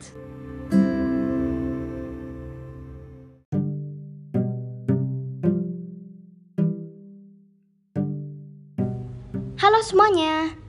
Kembali lagi di Papa Jolly Podcast bersama Aisyah. Hari ini aku podcastnya sendirian ya teman-teman. Nah, hari ini aku akan membahas tentang makanan yang tidak boleh dimakan oleh kucing. Dan kenapa makanan itu tidak boleh dimakan kucing. Jadi teman-teman, kalau kita mau memelihara kucing, pastinya kita harus membeli barang-barang atau hal-hal ya alat-alat yang benar-benar dibutuhkan kucing. Dan kita juga harus memperhatikan apa yang kucing kita makan. Dan kadang-kadang kita gak sadar teman-teman kalau makanan yang kita kasih ke kucing atau makanan yang kucing makan itu bisa saja membahayakan kesehatannya. Nah hari ini aku akan membahas tentang makanan yang gak boleh dimakan kucing dan kenapa kucing gak boleh memakan makanan itu. Apa aja sih makanannya? Yuk kita simak. Pertama adalah alkohol dan makanan makanan yang mengandung alkohol. Alkohol sangat berbahaya bagi kucing teman-teman. Tapi nggak cuma kucing, tapi guguk juga. Alkohol nggak boleh dikonsumsi guguk dan hewan-hewan lainnya juga nggak boleh mengonsumsi alkohol. Nah, meskipun orang lain mungkin berpikir bahwa menawarkan bir kepada hewan peliharaannya adalah sebuah hal yang lucu. Hal ini menyimpang dan membahayakan nyawa hewan peliharaan kita loh. Jika kucing kita kebetulan mengonsumsi alkohol, kita mungkin memerhatikan bahwa kucing kita akan memiliki masalah pencernaan, kesulitan bernapas, dan linglung. Hubungi dokter hewan segera karena keracunan alkohol dapat menyebabkan koma atau kematian. Selain itu, waspadalah terhadap makanan yang mengandung alkohol atau turunan alkohol. Nah, kedua, alpukat. Kucing adalah karnivora wajib teman-teman dan memiliki proses pencernaan yang sama sekali berbeda dari manusia. Kulit buah alpukat mengandung persin yang umumnya beracun bagi kucing dan anjing. Jika kucing kita tidak sengaja menelan alpukat, ia mungkin mengalami muntah dan diare atau mengembangkan pankreatis akut karena kandungan lemaknya. Sebenarnya banyak spesies lain yang tidak bisa makan alpukat karena dianggap sangat berbahaya, khususnya burung, kuda, dan kambing. Tidak boleh mengonsumsi alpukat. Nah, selanjutnya adalah coklat. Menu mengutip Pet Helpful, coklat Coklat beracun bagi kucing dan dapat menyebabkan beberapa masalah serius. Kucing tidak selalu tertarik dengan coklat, tetapi apa pun yang mengandung coklat atau serpihan coklat dapat membahayakan mereka. Nah, hewan peliharaan yang mengonsumsi coklat sering mengalami diare dan muntah, masalah jantung, dan tekanan darah. Toksisitas coklat selalu bergantung pada dosis coklat susu susu cenderung kurang manjur karena mengandung lebih banyak lemak susu. Dan lemak biasanya berkontribusi pada pankreatitis akut. Tetapi semakin gelap coklatnya, semakin tinggi resikonya. Nah, selanjutnya adalah bawang putih. Mungkin kita gak tahu bahwa bawang putih itu berbahaya buat kucing. Perlu diketahui bahwa bawang putih berbahaya bagi kucing sehingga tidak boleh diberikan sama sekali. Bahkan satu bawang putih pun gak boleh teman-teman. Bawang putih mengandung tiosulfat yang dapat menghancurkan sel darah merah dan memicu anemia hemolitik. Kebanyakan kasus kucing bahkan tidak akan menyukai bawang putih, tetapi kucing yang penasaran mungkin akan mencicipinya. Selanjutnya adalah telur, daging, atau ikan mentah. Makanan mentah ya teman-teman. Jika kucing kita suka berburu atau kucingmu suka berburu, kita mungkin menganggap aman untuk memberi mereka makanan um, memberi mereka makan telur, daging, atau ikan mentah. Lagi pula, apa yang lebih alami daripada mentah? Aslinya makanan mentah ini juga mengandung bakteri E. coli dan salmonella yang berbahaya yang dapat menyebabkan diare, muntah, dan kelesuan pada kucing. Mem memaparkan kucingmu pada patogen ini bahkan bisa berakibat fatal. Putih telur mentah juga mengandung protein yang disebut avidin. Jika dikonsumsi, avidin dapat mencegah kucing mengonsumsi vitamin B, biotin dengan benar, yang berpotensi menyebabkan kondisi kulit dan bulunya kusam. Selanjutnya adalah roti dan ragi. Kucing terkadang dapat makan roti dengan aman, teman-teman. Tetapi perhatikan bahwa roti tidak mengandung nilai gizi bagi mereka, hampir tidak mengandung lemak atau protein. Jadi sebaiknya tidak menggantikan pola makan makanan normal mereka. Ragi dan adonan roti mentah tidak aman untuk kucing. Setelah dimakan, adonan bisa mengembang di perut kucing dan menyebabkan masalah pencernaan yang berbahaya. Selanjutnya adalah ikan tuna. Mungkin kita kaget dan tidak yakin dengan pernyataan ini, karena hampir semua kucing pasti menyukai ikan tuna. Ikan tuna dapat sesekali menjadi sungguh suguhan untuk kucingmu. Tetapi kamu kita harus menghindari memberi kucing kita makanan yang banyak mengandung ikan tuna. Ikan tuna kekurangan beberapa nutrisi yang dibutuhkan kucing untuk tetap sehat.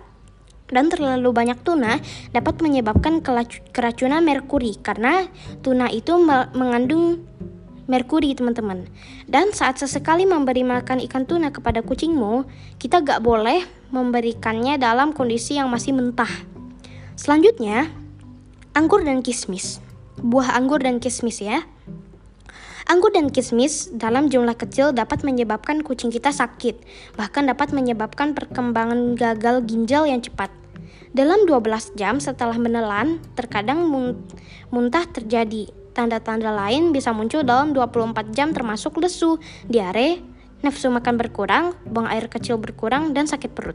Masih tidak jelas mengapa anggur dan kismis bisa menyebabkan gagal ginjal pada kucing, dan bahkan dalam jumlah kecil bisa membuat kucing sakit.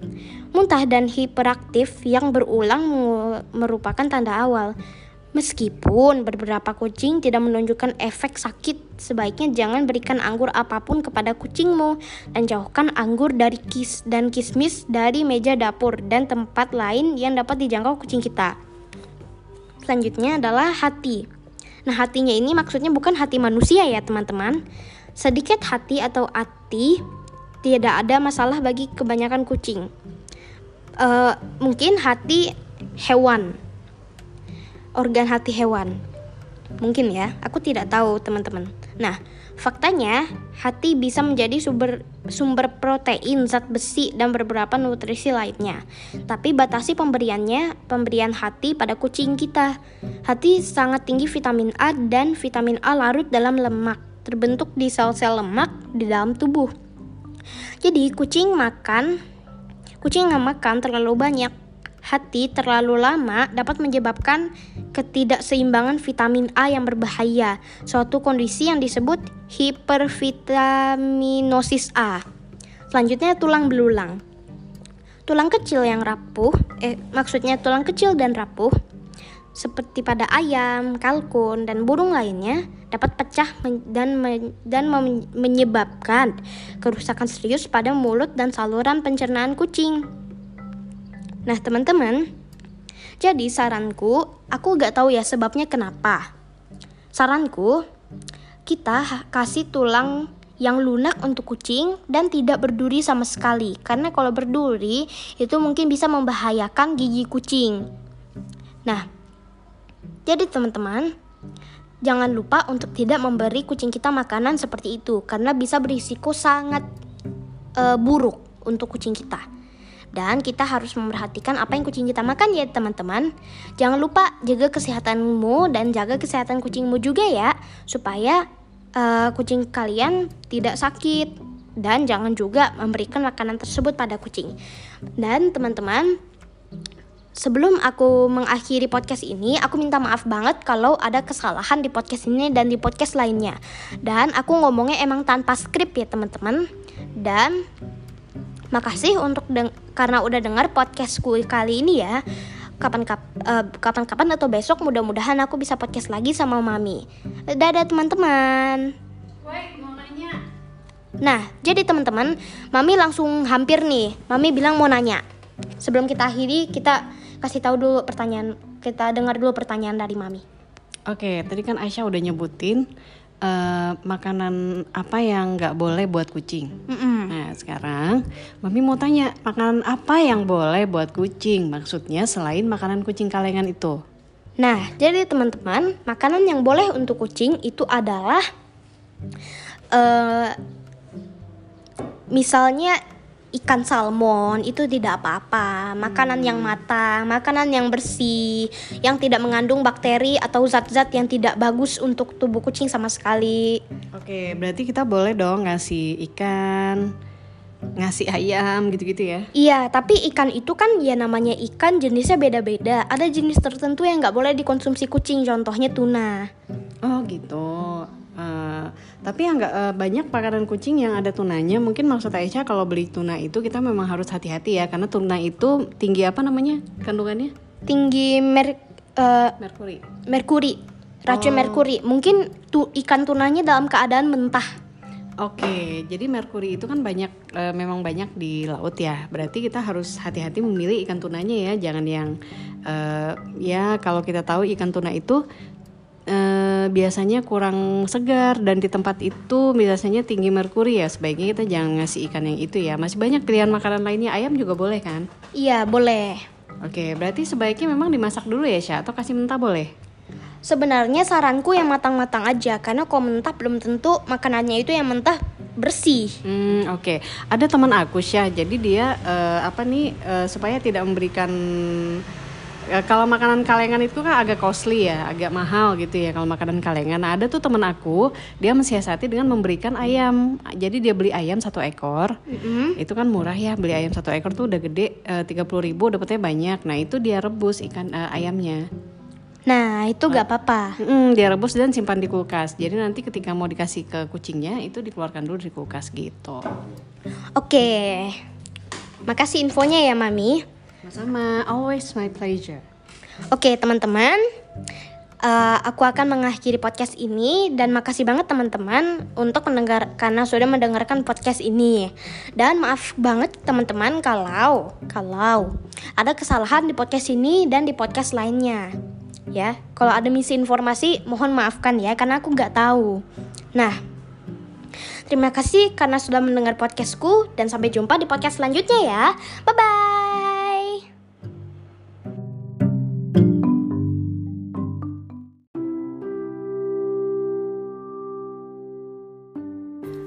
Assalamualaikum warahmatullahi wabarakatuh. Waalaikumsalam warahmatullahi wabarakatuh.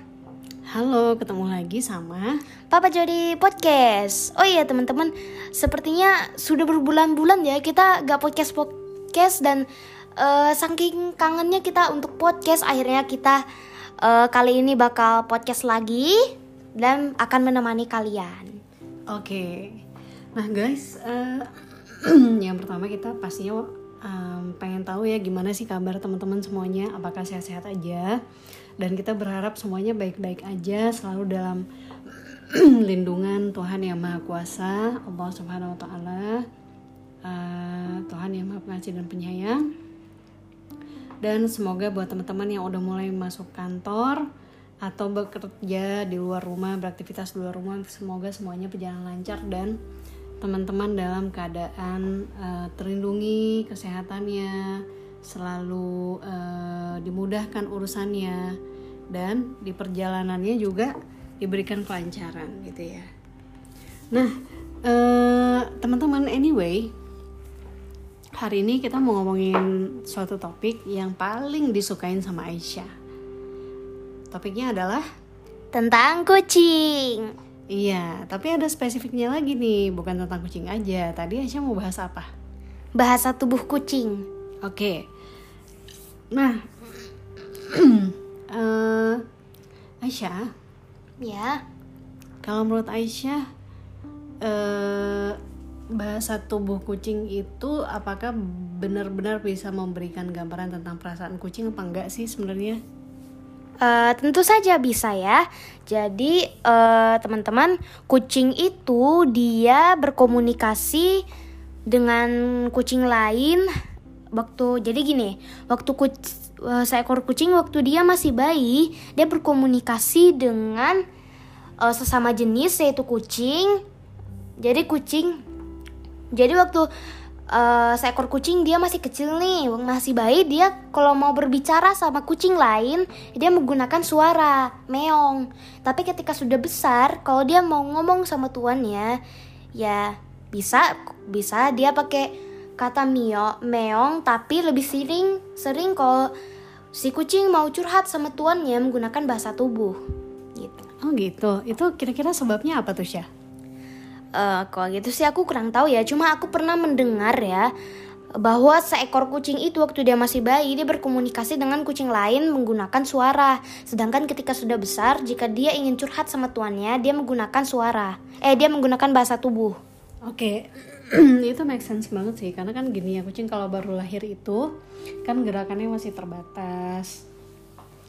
Terus dia masih kecil banget, belum banyak ekspresi yang bisa dia ungkapkan melalui uh, ini ya gesture tubuhnya ya. Dan uh, apalagi kucing yang bener-bener dia baru lahir, ya kan? Ketika dia baru lahir, dia ya pergerakannya terbatas, jalan juga masih tertatih-tatih gitu ya.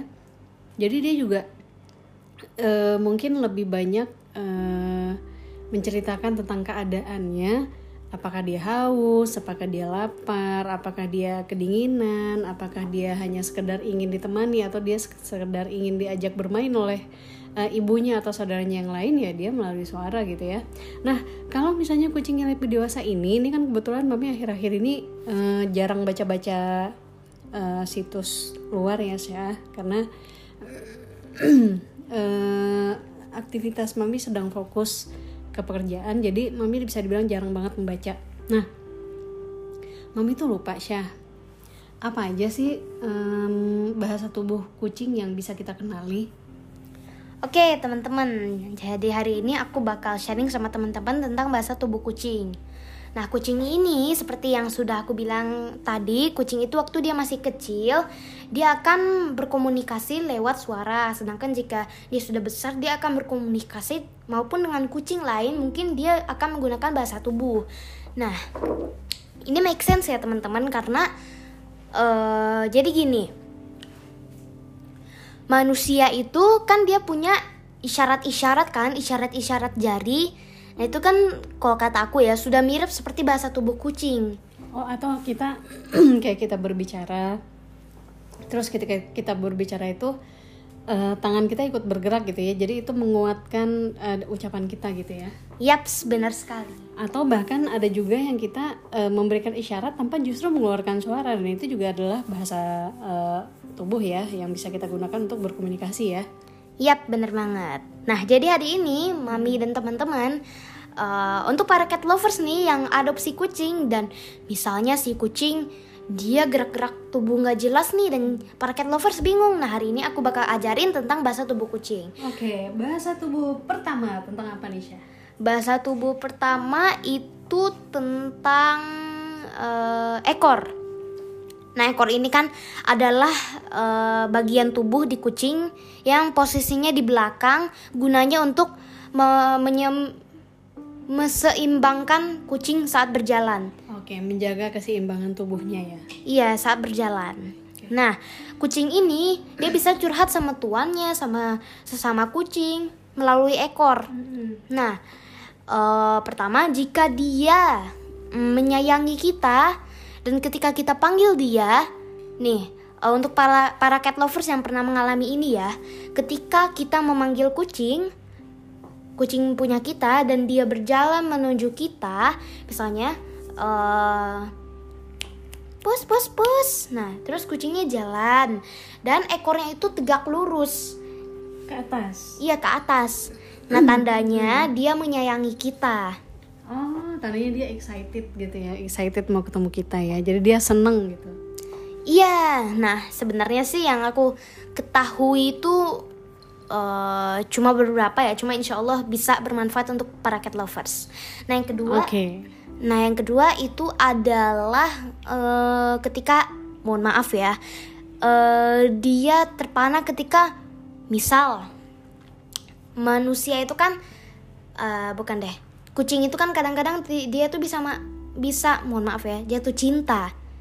Nah mm-hmm. ciri-cirinya jika dia uh, terpana gitu misalnya dengan kucing lain? Iya dengan kucing lain. Jadi kucing cowok terpana dengan kucing cewek itu dia ekornya akan uh, mengelilingi pahanya.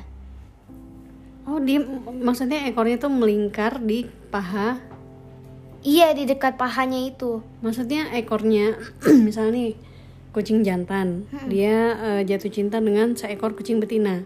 Jadi dia memberikan isyarat dengan melingkarkan ekornya di kakinya gitu. Iya kayak gini loh nih. Oh kayak gitu, ya ya ya oke. Jadi eh, ekornya itu dipasangkan di eh, kakinya sendiri ya? Iya di dekat bagian pinggangnya gitu pahanya. Itu bukan pinggang sih pinggul. Iya pinggul. Oke oke, terus terus. Nah terus selanjutnya ketika dia takut itu kan udah pasti ya cat lovers ya. Eh, sepertinya sudah pada tahu tapi untuk cat para cat lovers yang belum tahu nih kucing itu jika ekornya itu kayak mohon maaf ya landak gitu. Eh mami tahu landak kan? Hmm, kan landa kan berduri. Iya berduri-duri gitu. Eh, kayak zigzag gitu. Nah kucing kalau ekornya tegak lurus ke atas terus kayak ada zigzag zigzagnya gitu Oh menggar gitu bulunya ya? Iya, itu tandanya dia sedang takut, marah, dan lain-lain. Itu doang sih yang aku tahu cuma tiga. Ah, berarti tadi satu ketika dia jatuh cinta, kedua dia sedang takut, yang ketiga? Yang ketiga, eh, sepertinya itu doang yang aku tahu. Oh oke sorry sorry, berarti dua ya. Itu dari ada tiga. Jadi yang pertama ciri-ciri dia sayang sama kita, kedua ciri-ciri dia pertam eh, terpanah dengan lawan jenis, sama yang ketiga eh, ciri-ciri dia takut atau marah. Oh iya, ciri dia takut atau marah. Nah, itu kan baru dari ekor. Gimana kalau dari eh, tubuh yang lain? Tubuh yang lain sih, Misalnya kayak mata, bola mata, pupil. Iya, pupil, pupil benar. Jadi teman-teman, aku sepertinya ya pernah melihat sebuah video. Kucing itu ketika dia matanya tahu pupil mata kan yang hitam-hitam itu loh. Oke, jadi pupil itu bagian bola mata kita. Terus ada bagian hitamnya, lalu ada bagian hitam yang lebih kecil. Itu ya, Syah? Maksudnya yang hitam-hitamnya itu. Oh, yang hitam di bola mata kucing ya. Oke, oke. Terus? Nah, ketika bola mata kucing itu dia garis bentuknya, eh maka tandanya dia sedang kalem. Nah, tapi, tapi ya, tapi jika kucing kita dia bola matanya membesar, bentuknya bulat gitu. Nah, itu tandanya dia sedang tidak kalem atau dia sedang merasakan bahaya, dia sedang sedih atau marah. Pokoknya dia mengalami perasaan-perasaan yang selain bahagia gitu. Kalau matanya membesar, itu eh, bukan berarti dia bahagia ya? Iya, karena aku pernah nonton video yang katanya sih ya, faktanya gitu. Cuma ya eh, hanya Tuhan yang tahu kebenarannya lah. Oke, oke, benar. Betul sekali. Nah, itu mata, Syah. Kalau misalnya dari telinga, itu gimana? Nah, telinga nih Mami pernah ngajarin. Nah, kucing itu eh, teman-teman pernah nggak sih jika kucing kita itu ketika mendengar suara telinganya itu kayak miring gitu kayak gini loh. Telinganya kayak misalnya kalau suaranya dari kanan, maka telinganya akan miring ke kanan. Tahu maksudnya miring kan? Miringnya itu kayak membelok. Oh, telinga itu kayak kayak belok ke samping ya? Iya, nah itu tandanya dia merasakan bahaya. Jadi teman-teman jangan, mohon maaf ya, ini aku nggak bermaksud untuk mengejek ya cat lovers ya. Cuma mohon untuk tetap hati-hati ya, karena eh, untuk memfoto anabul kita, anabul itu artinya kucing ya, anak bulu.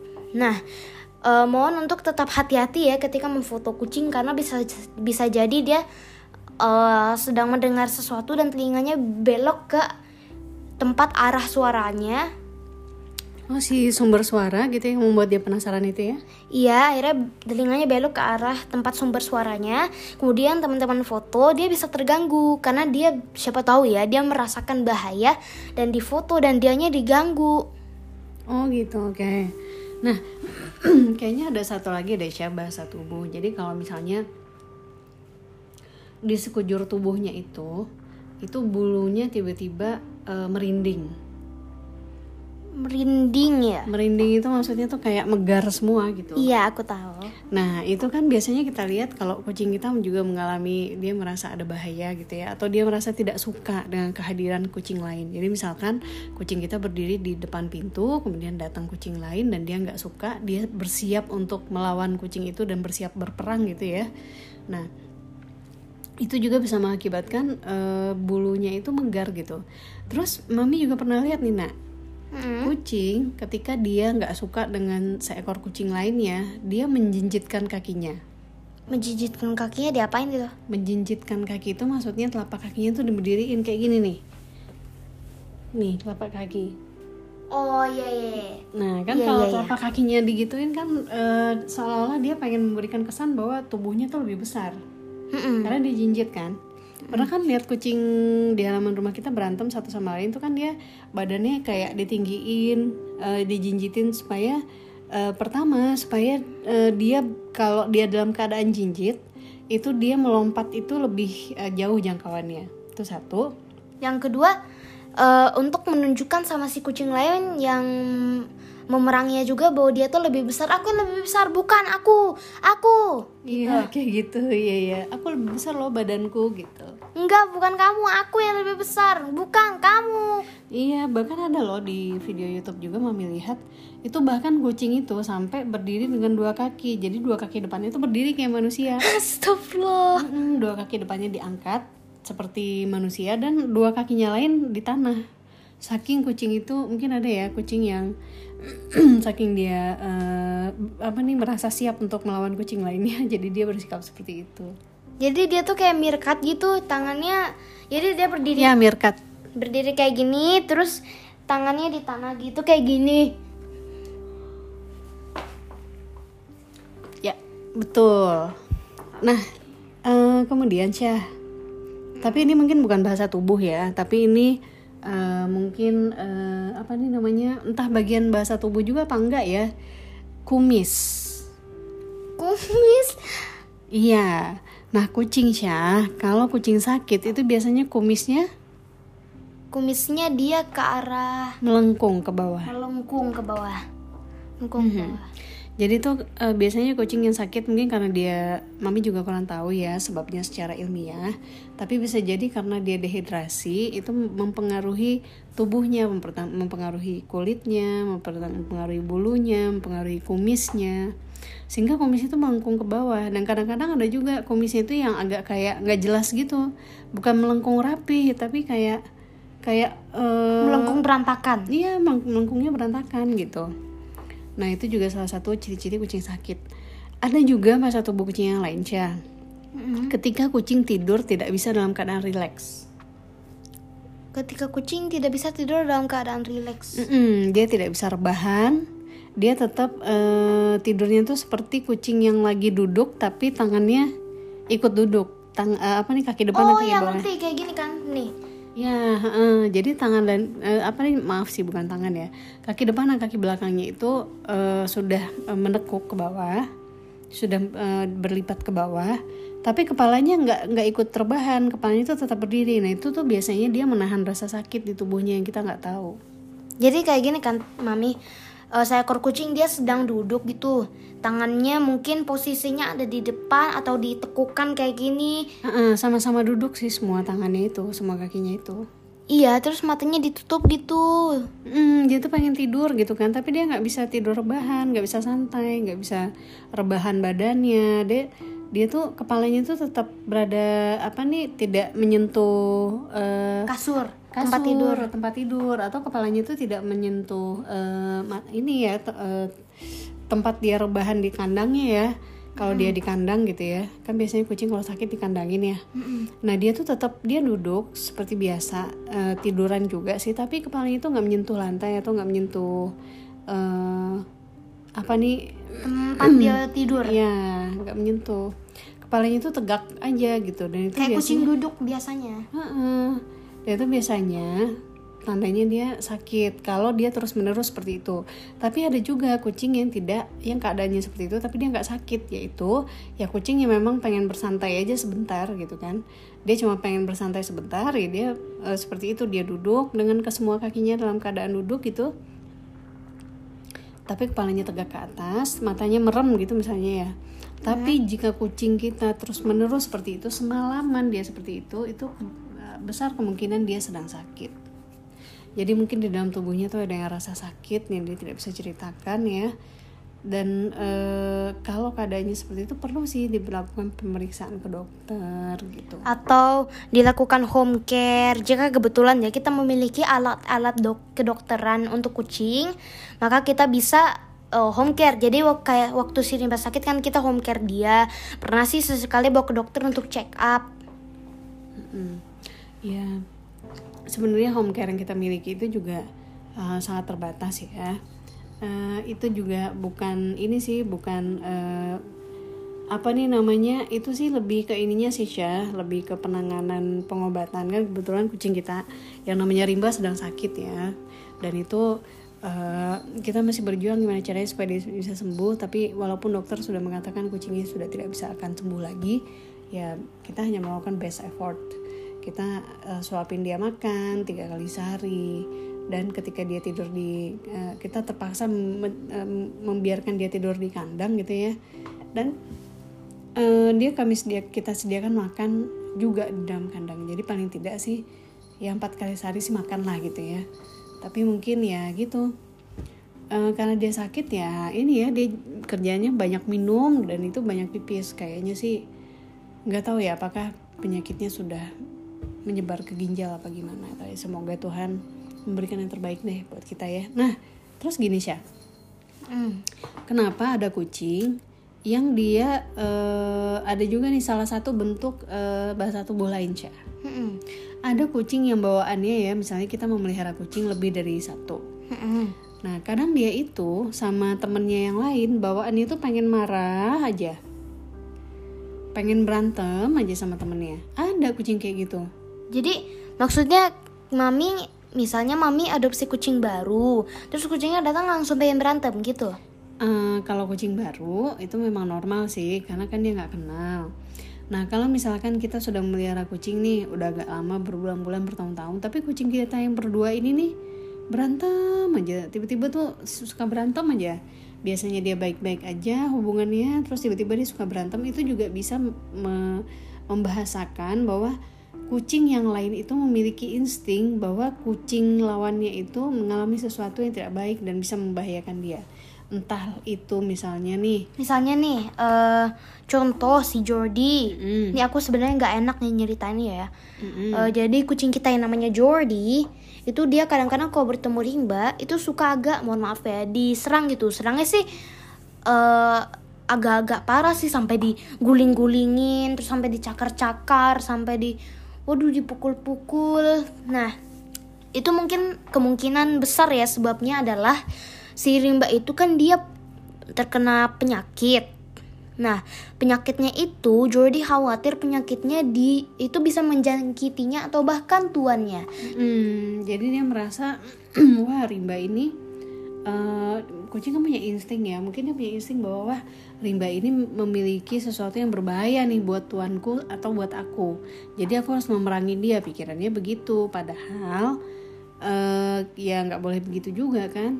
Nah tapi itu juga sih sebabnya setiap kali si Jordi ini untungnya kan kucingnya agak overweight ya. Dia baru umur 3 tahun tapi beratnya udah 8 kilo. Waduh Uh, dan itu udah udah berat dan kita juga susah mengontrol makannya. Nggak mau dia sakit tapi ngontrol makannya susah juga gitu kan.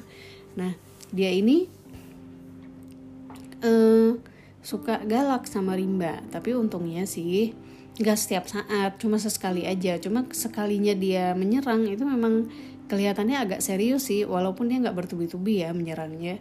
Paling ya nonjok sekali cuma keras gitu. Kan kasihan juga si Rimbanya kan Iya sampai pernah mohon maaf ya kakinya itu kayak sampai mengenai perutnya gitu sakit banget perutnya si Rimba. Mm -mm. Nah padahal itu nggak tahu deh itu uh, karena itu sih kita sering jagain sih kita sering jauhin si Jordi sama Rimba dan untungnya Jordi ini karena dia overweight dia gak malas bergerak kan jadi pergerakan dia tuh kelihatan jadinya saking dia jarang bergerak gitu ya jadi dia nggak akan bergerak bergerak sama rimba. Jadi dia pokoknya setiap hari ya teman-teman sehariannya kerjaannya dia tidur tuh, aja. Tidur iya. Mungkin karena dia suka banyak capeknya ya. Tidur makan tidur makan ya gitu lah Sebenarnya bukan bukan banyak capeknya sih, tapi karena dia mungkin kelebihan berat badan gitu, dia jadi males bergerak ya. jadi eh, mager mager itu singkatan dari malas gerak Mm, mungkin yang mager atau eh, kalau misalnya dia kan suka tuh pengen keluar dari pintu rumah ya. iya cuma dia males karena dia overweight gitu badannya berat Nah mungkin pada saat kita buka pintu rumah itu kan dia selalu pengen ikut keluar kan main. iya Nah sebenarnya sih kalau kita lepaskan dia di luar sih ya, itu dia akan berkurang berat badannya itu karena dia ada aktivitas eh, ototnya bekerja kan.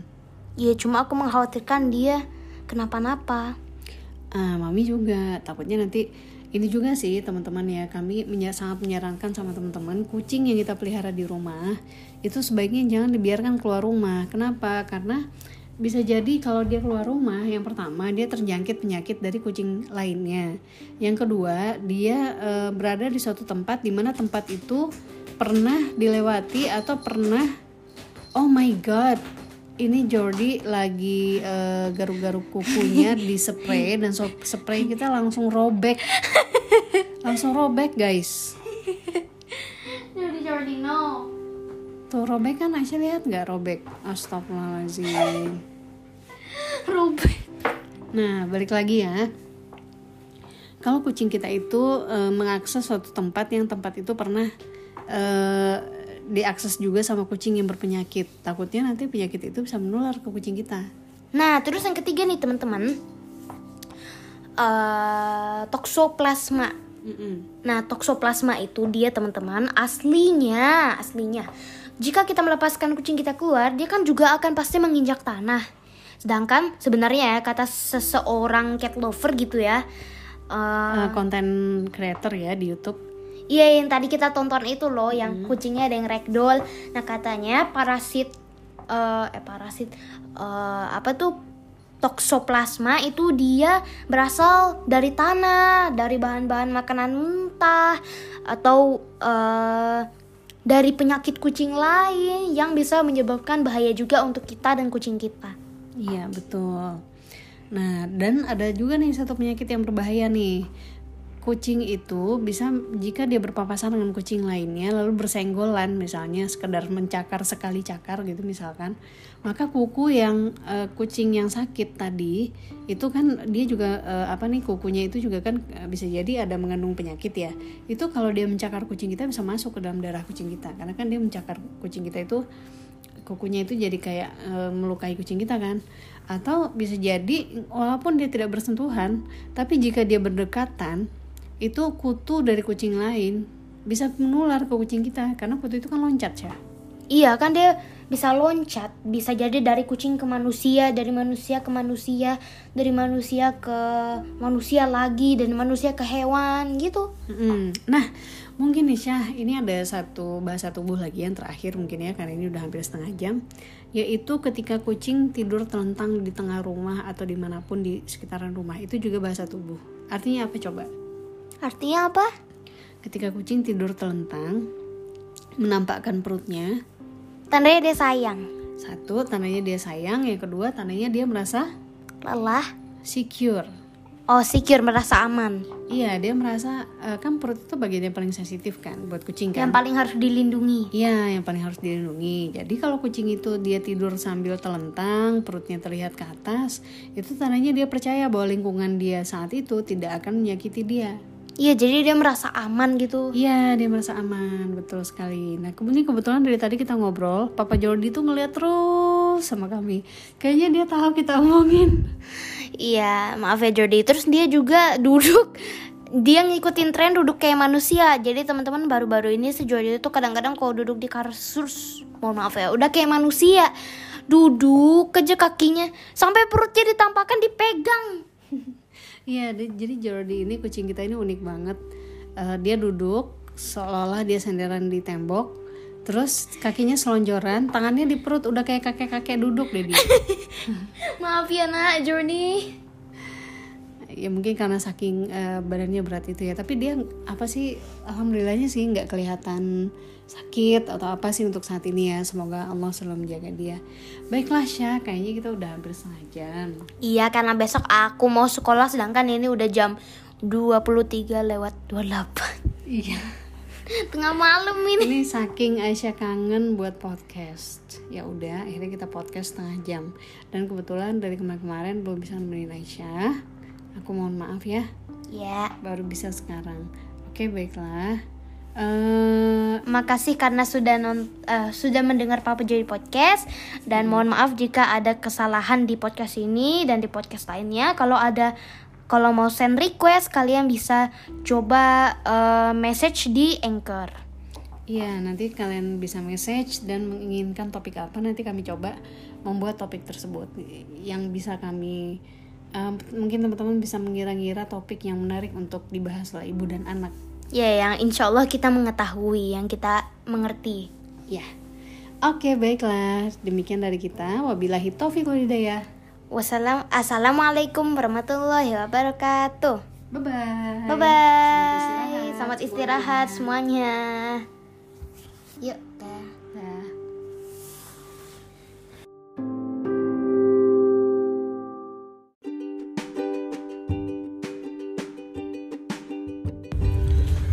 Assalamualaikum warahmatullahi wabarakatuh. Waalaikumsalam warahmatullahi wabarakatuh. Ini pertama kali dong teman-teman kita podcast lagi di jalan. Iya, jadi hari ini kita lagi berpergian. Mami nyetir di mobil. Aku nemenin Mami. Iya, jadi ceritanya itu guys. eh, ini laptop rusak. Mm-mm. Karena laptop rusak, tapi ini eh, Aisyah butuh banget kan laptopnya buat sekolah. Jadi kita benerin dulu. Yap, benar banget. Karena aku sekolahnya juga masih online. Iya, tadi sempet mampir makan di apa tuh nama restorannya? Kubang Hayuda. Ya, Kubang Hayuda ya. Itu Kubang Hayuda itu mungkin buat teman-teman yang udah sering lihat di pinggir jalan ya kan, tapi belum pernah mampir. Itu Kubang Hayuda itu eh, restoran Padang yang enak banget teman-teman. Di situ ada apa namanya? Ada eh, nasi goreng, ada soto Padang, ada sate Padang. Dan kalau eh, saya sendiri sih favoritnya itu soto Padang karena enak banget. Kalau Aisyah favoritnya beda lagi. Ini Aisyah mau cerita nih. Jadi em, makanan favorit aku di restoran Kubang Hayuda itu nasi goreng. Mm-mm. Kenapa enak? Karena enak. enak karena enak. Nah itu hebat banget ya dia bisa kita bisa bisa minta custom sedikit ya misalnya nggak pakai cabe, banyakin ininya, banyakin itunya itu bisa. Iya, bisa. Nah enak lagi itu ininya martabak Mesirnya, martabak telurnya. Oh, oke. Di situ eh, daging sapinya tuh rich banget. Wow. Nah, rich dan enak banget. Nah, terus habis dari makan dari Kubang Hayuda, kita kan beliin laptop nih teman-teman di apa nih namanya? Aduh, aku lupa deh nama daerahnya itu dekat UI situ ya. nah, terus di situ ada kopi kenangan. Mm-mm, bener. Da- dan maaf nih, kopi kenangan itu tuh kita sebenarnya udah pernah beli ber- eh, salah satu minuman di situ. Cuma karena udah lama kita nggak beli juga ya, mumpung ada kita tuh eh, tempat perbaikan laptopnya itu sama kopi kenangan itu sebelahan. Karena kita kangen juga ya, udah lama nggak beli kopi kenangan ya. Udah, goes kita mampir ke sana beliin minuman. Abis itu mami benerin laptop. Iya, bener banget. Nah, terus tadi kita beli di kopi kenangan itu namanya struknya mana ya? Struknya nggak- ketemu, cuman tadi Aisyah beli susu pakai biskuit. Oreo Oreo. Ya, biskuit Oreo. Udah gitu kalau maminya Aisyah belinya eh coklat sama boba. Iya boba. Iya, dan ini kebetulan hari Sabtu, jadi kita jalan-jalan em, untuk ngurusin keperluan ya. Sebenarnya bukan jalan-jalan juga sih, tapi memang harus keluar rumah. Even though ini pandemi, tapi ini jalanan rame banget dan jalanan Margonda sini itu macetnya luar biasa. Hmm, karena karena hari ini adalah weekend ya. Jadi banyak orang berpergian. Iya. Nah, ini jalanan udah macet banget. Kayaknya keadaan udah mulai normal karena mungkin juga kita baca-baca berita gitu kayaknya eh, Indonesia sudah mulai memasuki tahap mau akan masuk ke endemi, bukan pandemi lagi. Wah, alhamdulillah. Alhamdulillah, semoga perekonomian juga bergerak lagi ya teman-teman dan semoga keadaan kita juga membaik dan semoga untuk eh, pandemi Covid ini dia tidak bermutasi menjadi Covid lain yang lebih parah. Hmm, jadi satu tahun yang lalu tuh eh, di mobil itu ada radio katanya bilang kalau nggak salah itu emang radio yang bilang Jakarta tuh eh, udah zona hijau. Iya, tapi waktu itu kan tahun lalu Jak- Jakarta udah zona hijau, terus tiba-tiba masuk Omikron ya kan. Masuk Omikron lagi, terus keadaan melemah lagi gitu ya. Iya. Nah, gitu deh. Nah, terus teman-teman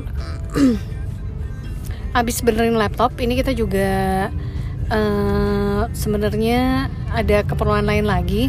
Jadi ada kebetulan eh, tiga buah laptop eh, termasuk komputer ya. Di rumah itu keadaannya semuanya rusak. Yang satu eh, itu apa namanya keyboardnya kesiram air ya Iya.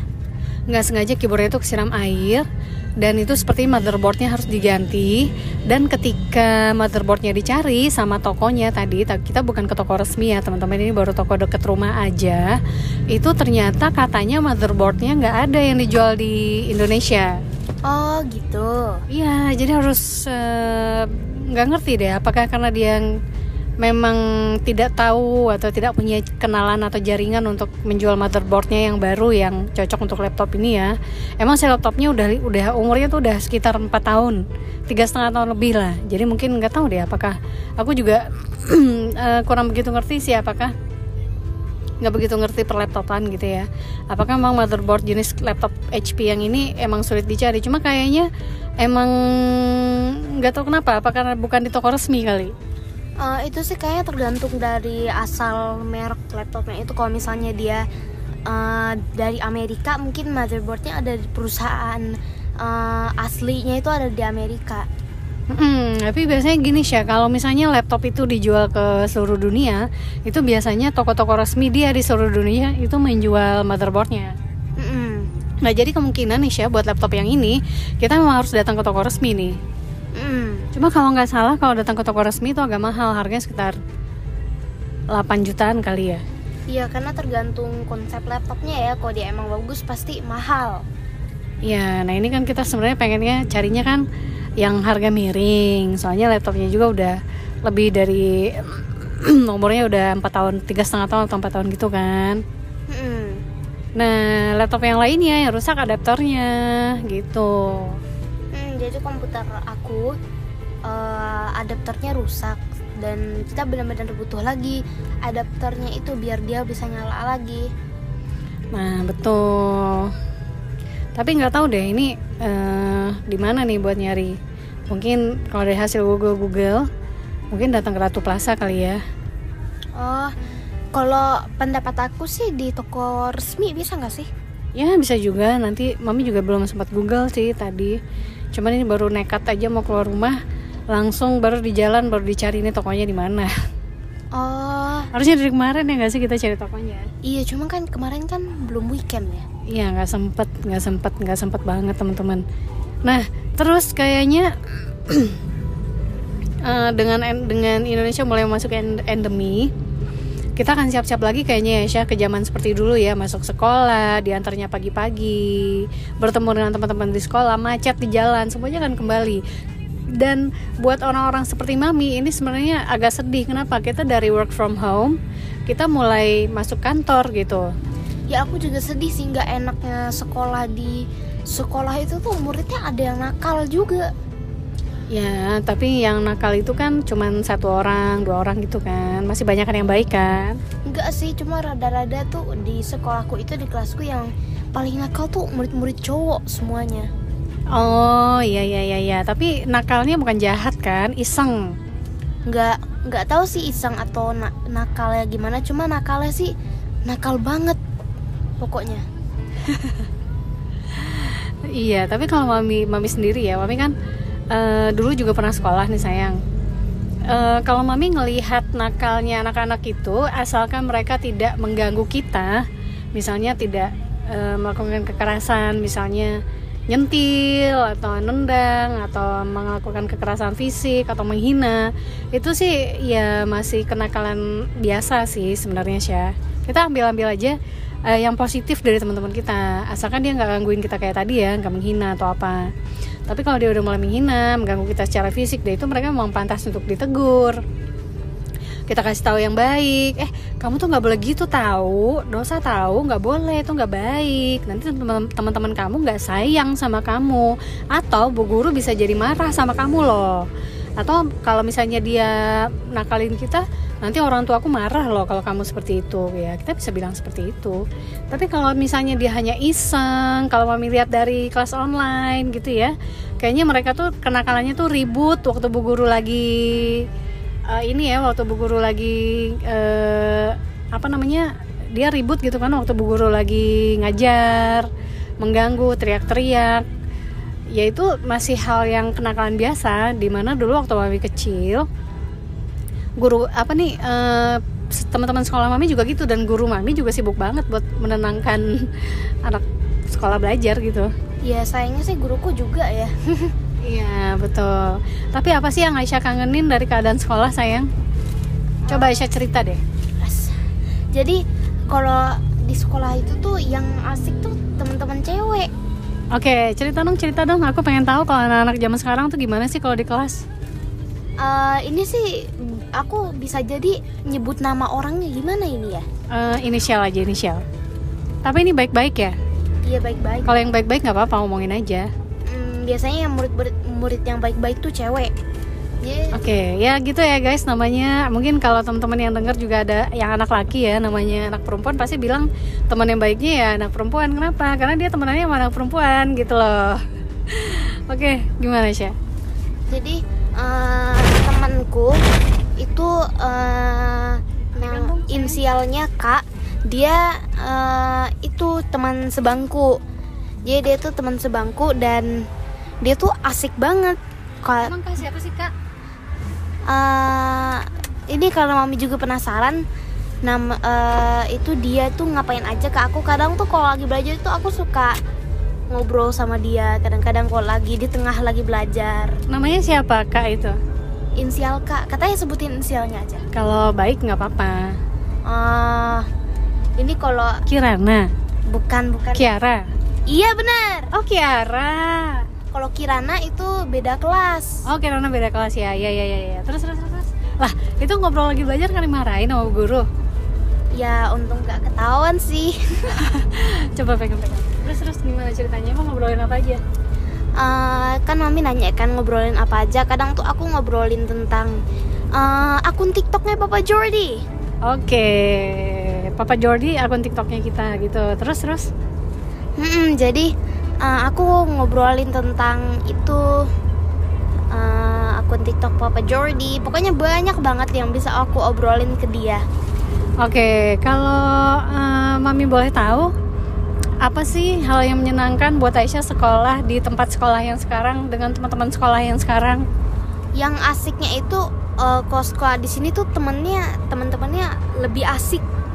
Oke, temennya teman-temannya asik-asik. Terus gurunya baik. Bu gurunya baik apa baik banget? Baik banget sih.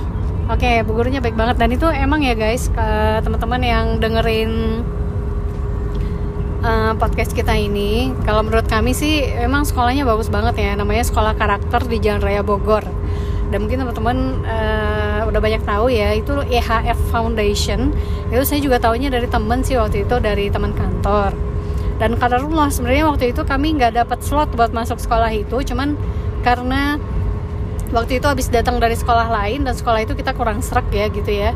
Terus e, lagi di jalan gitu kita galau. Ya Allah ini udah waktunya masukin anak ke sekolah tapi kita belum dapat sekolahnya ya Allah. Tolong dibantu.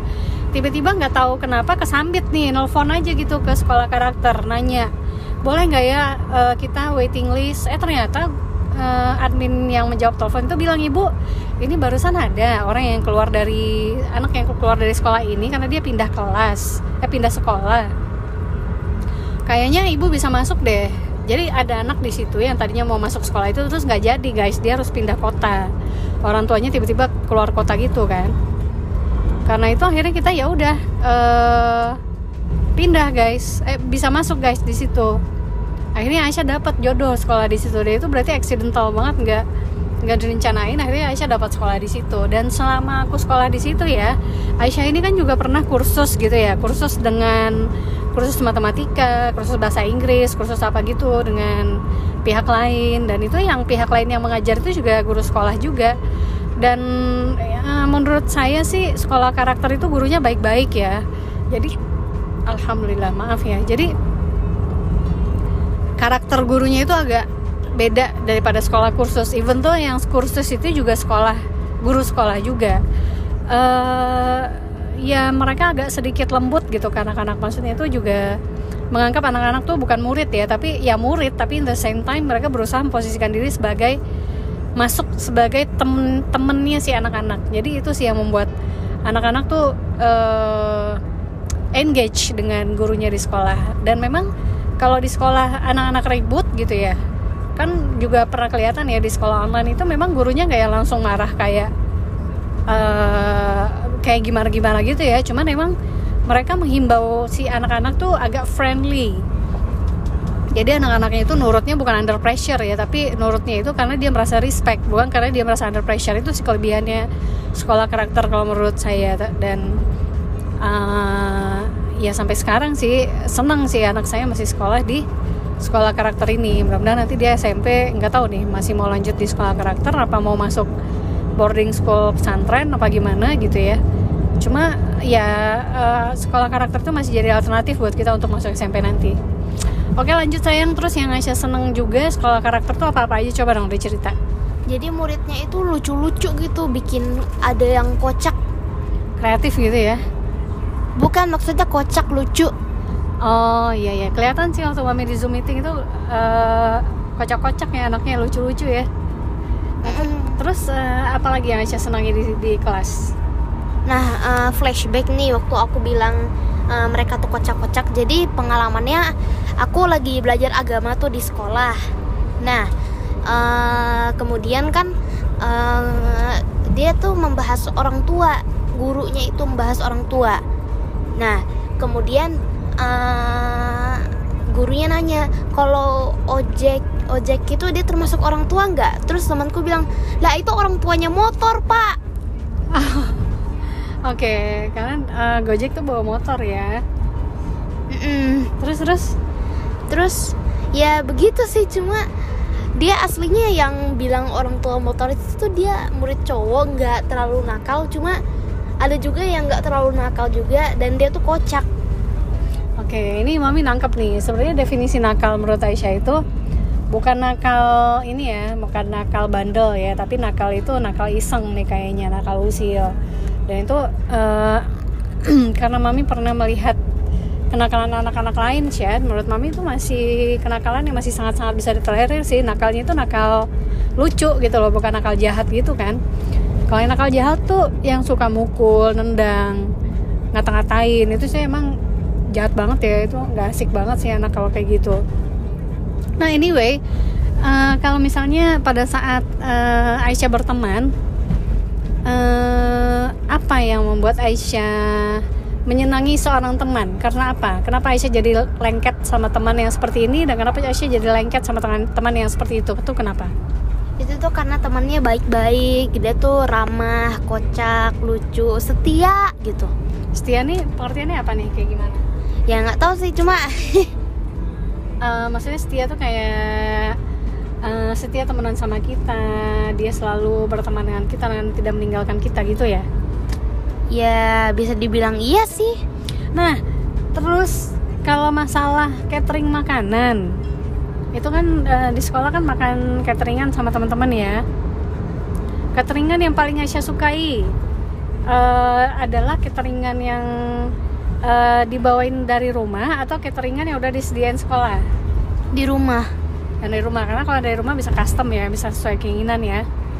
Mm-mm, kalau di sekolah tuh uh, bukan ngejek ya cuma bekalnya itu tuh uh, itu misalnya ini ini terus gitu Ya, jadi Aisyah ini teman-teman maksudnya ini ini terus itu dia nggak suka makanan kalau nasi terus, walaupun lauknya pindah-pindah ya beda-beda ya. Lauknya bisa sekarang ayam, besok ikan, besok daging, cuman kan kalau nasi terus tuh dia bosan dia pengennya hari ini dia bisa makan roti besok dia bisa makan spaghetti besok dia bisa makan mashed potato besok dia bisa makan ya nasi goreng. Pokoknya pengennya beda-beda dan sesuai dengan keinginan. Sedangkan kalau di sekolah itu kan pasti disedianya nasi dan itu eh, pasti walaupun lauknya beda-beda ya cuma pasti ya makanan sehat gitu loh ada sayurnya soalnya kan anak-anak itu kan agak susah ya diajak makan makanan sehat ya Mm-mm, setuju.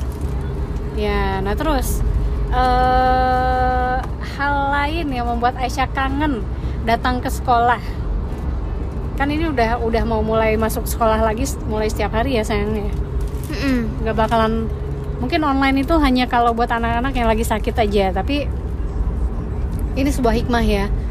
Tanpa pandemi ini kita tidak akan kenal sekolah online. Dan anak yang sakit tidak akan pernah bisa masuk sekolah. Anak yang sakit walaupun dia bisa mendengarkan pelajaran ya dia memang hanya bisa di rumah gitu ya. Tapi kalau misalnya gara-gara ada pandemi nih alhamdulillah ala kulli hal. Makanya semua keadaan itu kita syukuri. Dengan adanya pandemi ini kita jadi tahu oh kita bisa diskusi dengan zoom loh sekarang. Kita bisa zoom meeting loh sekarang.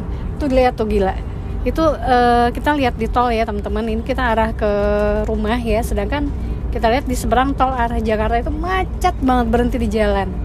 Ini eh, kayaknya orang-orang memang mulai ini ya ini nggak tahu deh ini orang-orang yang pulang cuti dari arah Bandung dan Bogor apa memang arah Jakarta memang lagi rame aja mau ke Jakarta gitu. Nah balik lagi ke yang tadi. Eh, Aisyah sebenarnya lebih suka hybrid sebagian zoom di rumah sebagian masuk sekolah atau pengennya masuk sekolah setiap hari? Maksudnya? Kan kalau sekarang Aisyah hybrid nih. Seminggu di rumah seminggu di sekolah ya kan?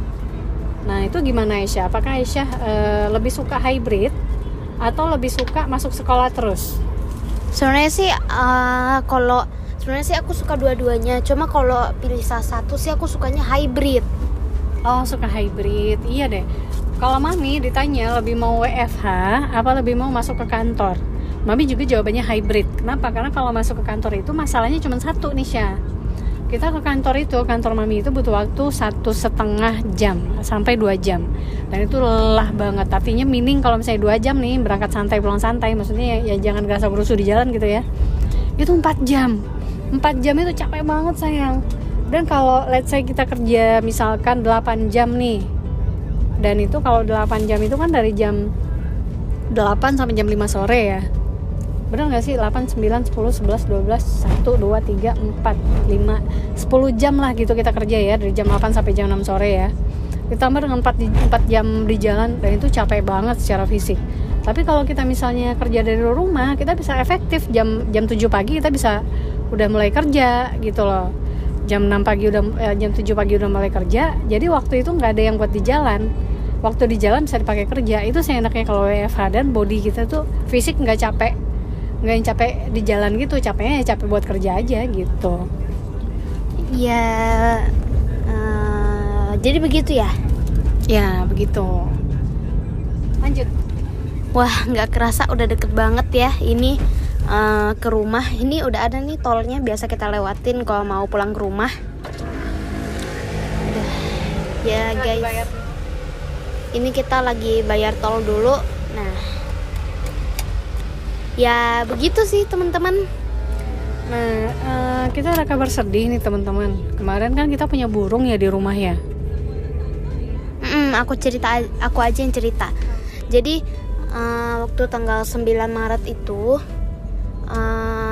kita kan ingat kan kita kan pernah bahas burung peliharaan kita di podcast eh, si tentang si Niko. Nah itu tuh waktu tanggal 9 Maret itu dia mati guys. Nggak tahu kenapa. Cuma sih kata mami kalau emang beberapa hari yang lalu tuh dia sebelum dia mati dia itu makannya emang nggak sesemangat eh, dulu. Iya, jadi menjelang dia mati itu emang makannya nggak sesemangat sebelumnya gitu. Dan itu menyedihkan sekali ya, karena waktu dia mami temukan mati itu, itu badannya masih hangat. Artinya baru mati, belum dari tadi matinya, dan belum terlalu beku banget badannya itu. Aduh mami sedih banget sayang. Dan itu pagi itu ya, eh, mami selesai sholat subuh dia langsung mami eh, apa suapin makan gitu ya. Dan mami tidak menyangka ketika mami waktunya memberi dia makan sesi yang kedua ya itu mami nggak nyangka banget dia udah mati dan mami sedih banget cuman mami sulit banget memanage perasaan mami karena beda banget ngurusin bayi burung sama bayi kucing. Beda banget guys. Kalau bayi kucing itu ya eh ya gimana ya? Mungkin karena bayi kucing yang kita hadapi sakit itu dia matinya di rumah sakit dan dia sudah melalui sebuah step-step dulu ketika dia mati. Jadi dia mati udah dibawa ke rumah sakit udah kelihatan ciri-ciri bakalan mati. Jadi kita udah siap mental. Tapi kalau burung ini enggak guys. Dia tuh nggak kelihatan bakalan mati dia dia kelihatan memang kurang semangat. Cuma mulai kurang semangatnya itu jadi kita kasih dia pelet makanan gitu ya. Nggak tahu pelet makanan itu kurang cocok sama seleranya dia atau kurang tidak sesuai dengan apa yang dia sukai. Bisa juga jadinya dia nggak semangat makan. Tapi begitu dikasih pisang lumayan agak sedikit suka makan dia. Cuma ya mungkin itu ya eh, kadarullah semua kehendak Allah. Ya Allah sudah menetapkan ajal dia di tanggal itu. Cuma gimana ya kematian si Niko burung kecil kita ini itu sangat sulit buat diterima. Eh, maksudnya bersedih gitu. Eh, karena kita nyuapin dengan intens. Eh, nyuapin terus. Digendong. Setelah selesai dia makan mulutnya dielap pakai kapas Tisu, basah. Tisu. Iya pakai tisu pakai tisu dulu habis itu dilap pakai kas- eh, kapas basah. Kenapa? Karena kalau dia mulutnya nggak dilap ntar kena matanya. Kalau matanya kena ketutup matanya itu. Jadi dia nggak bisa buka mata. Kasihan kan? Ya ntar nanti kayak kelem gitu matanya nggak bisa Iya, kebuka. bener kayak kelem karena kena makanan. Jadi selesai dia makan mau nggak mau dilap pakai tisu basah matanya doang ya bukan seluruh badan. Kedinginan kan ntar terus mati dong pagi-pagi itu. Sedih banget ya Allah iya masih dipikirin terus ya. Akhirnya waktu dia mati itu kita gunting bulunya sedikit-sedikit terus kita simpen. Iya jadi eh, dia udah wafat gitu kan ya? Mm, kita ya. ambil kita ambil bulunya eh, selembar. Kita simpan bulunya itu. Mm, kangen banget aku sama si Niko itu padahal tuh dia tuh eh, aku nggak nyangka cepet banget dia mati dia tuh kita temukan tanggal 26 Februari dan matinya tanggal 9 Maret Aduh ya Allah, iya dan kita sedih banget teman-teman karena kita melihat sekali perkembangan tubuhnya itu dari botak eh, nggak begitu botak ya, cuman belum ada bulu badannya. Terus pertamanya waktu bulu badannya mulai tumbuh di punggung, mulai tumbuh di perut. Jadi kayak ngurusin bayi banget dan itu transformasinya kita melihat banget. Beda kalau eh, bayi kucing itu kan paling dia bertambah besar ya. Kalau burung ini enggak. Kita melihat matanya mulai terbuka dia aku peluk terus aku taruh di bahu aku taruh di di ya aku peluk gitu sering aku peluk. Disayangi. Disayangi dielus badannya itu dibelai ya aku terus terang aja sedih banget eh, kehilangan Niko. Iya aku juga sama sih soalnya dia tuh masih bayi banget ya yang kayak mami bilang itu. Eh, mungkin emang udah riwayatnya ya kalau eh, burung itu tuh mungkin kayaknya ya kalau dia nggak dirawat sama induk tuh dia cepet mati. Nah itu bisa jadi juga sih Syah. Karena kan kita belum pernah merawat bayi burung ya.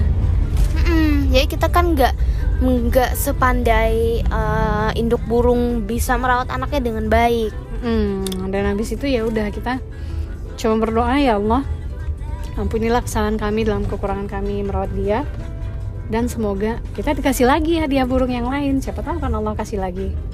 Iya sih insya Allah. Ah, ya begitulah.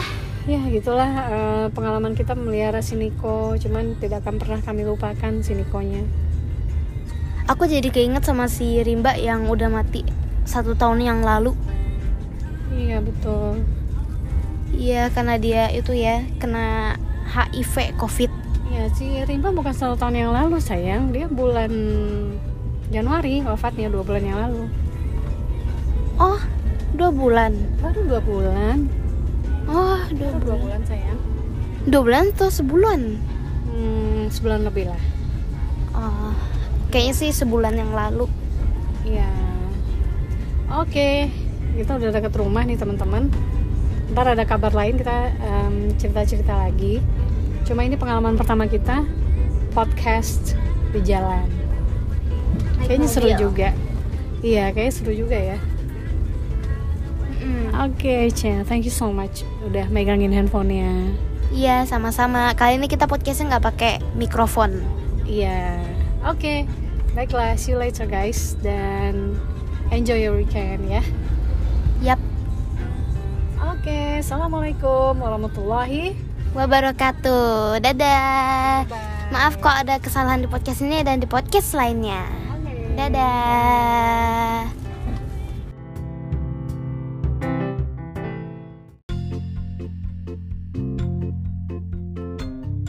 Assalamualaikum warahmatullahi wabarakatuh Waalaikumsalam warahmatullahi wabarakatuh. Eh pengen denger suaranya Lulan gak sih?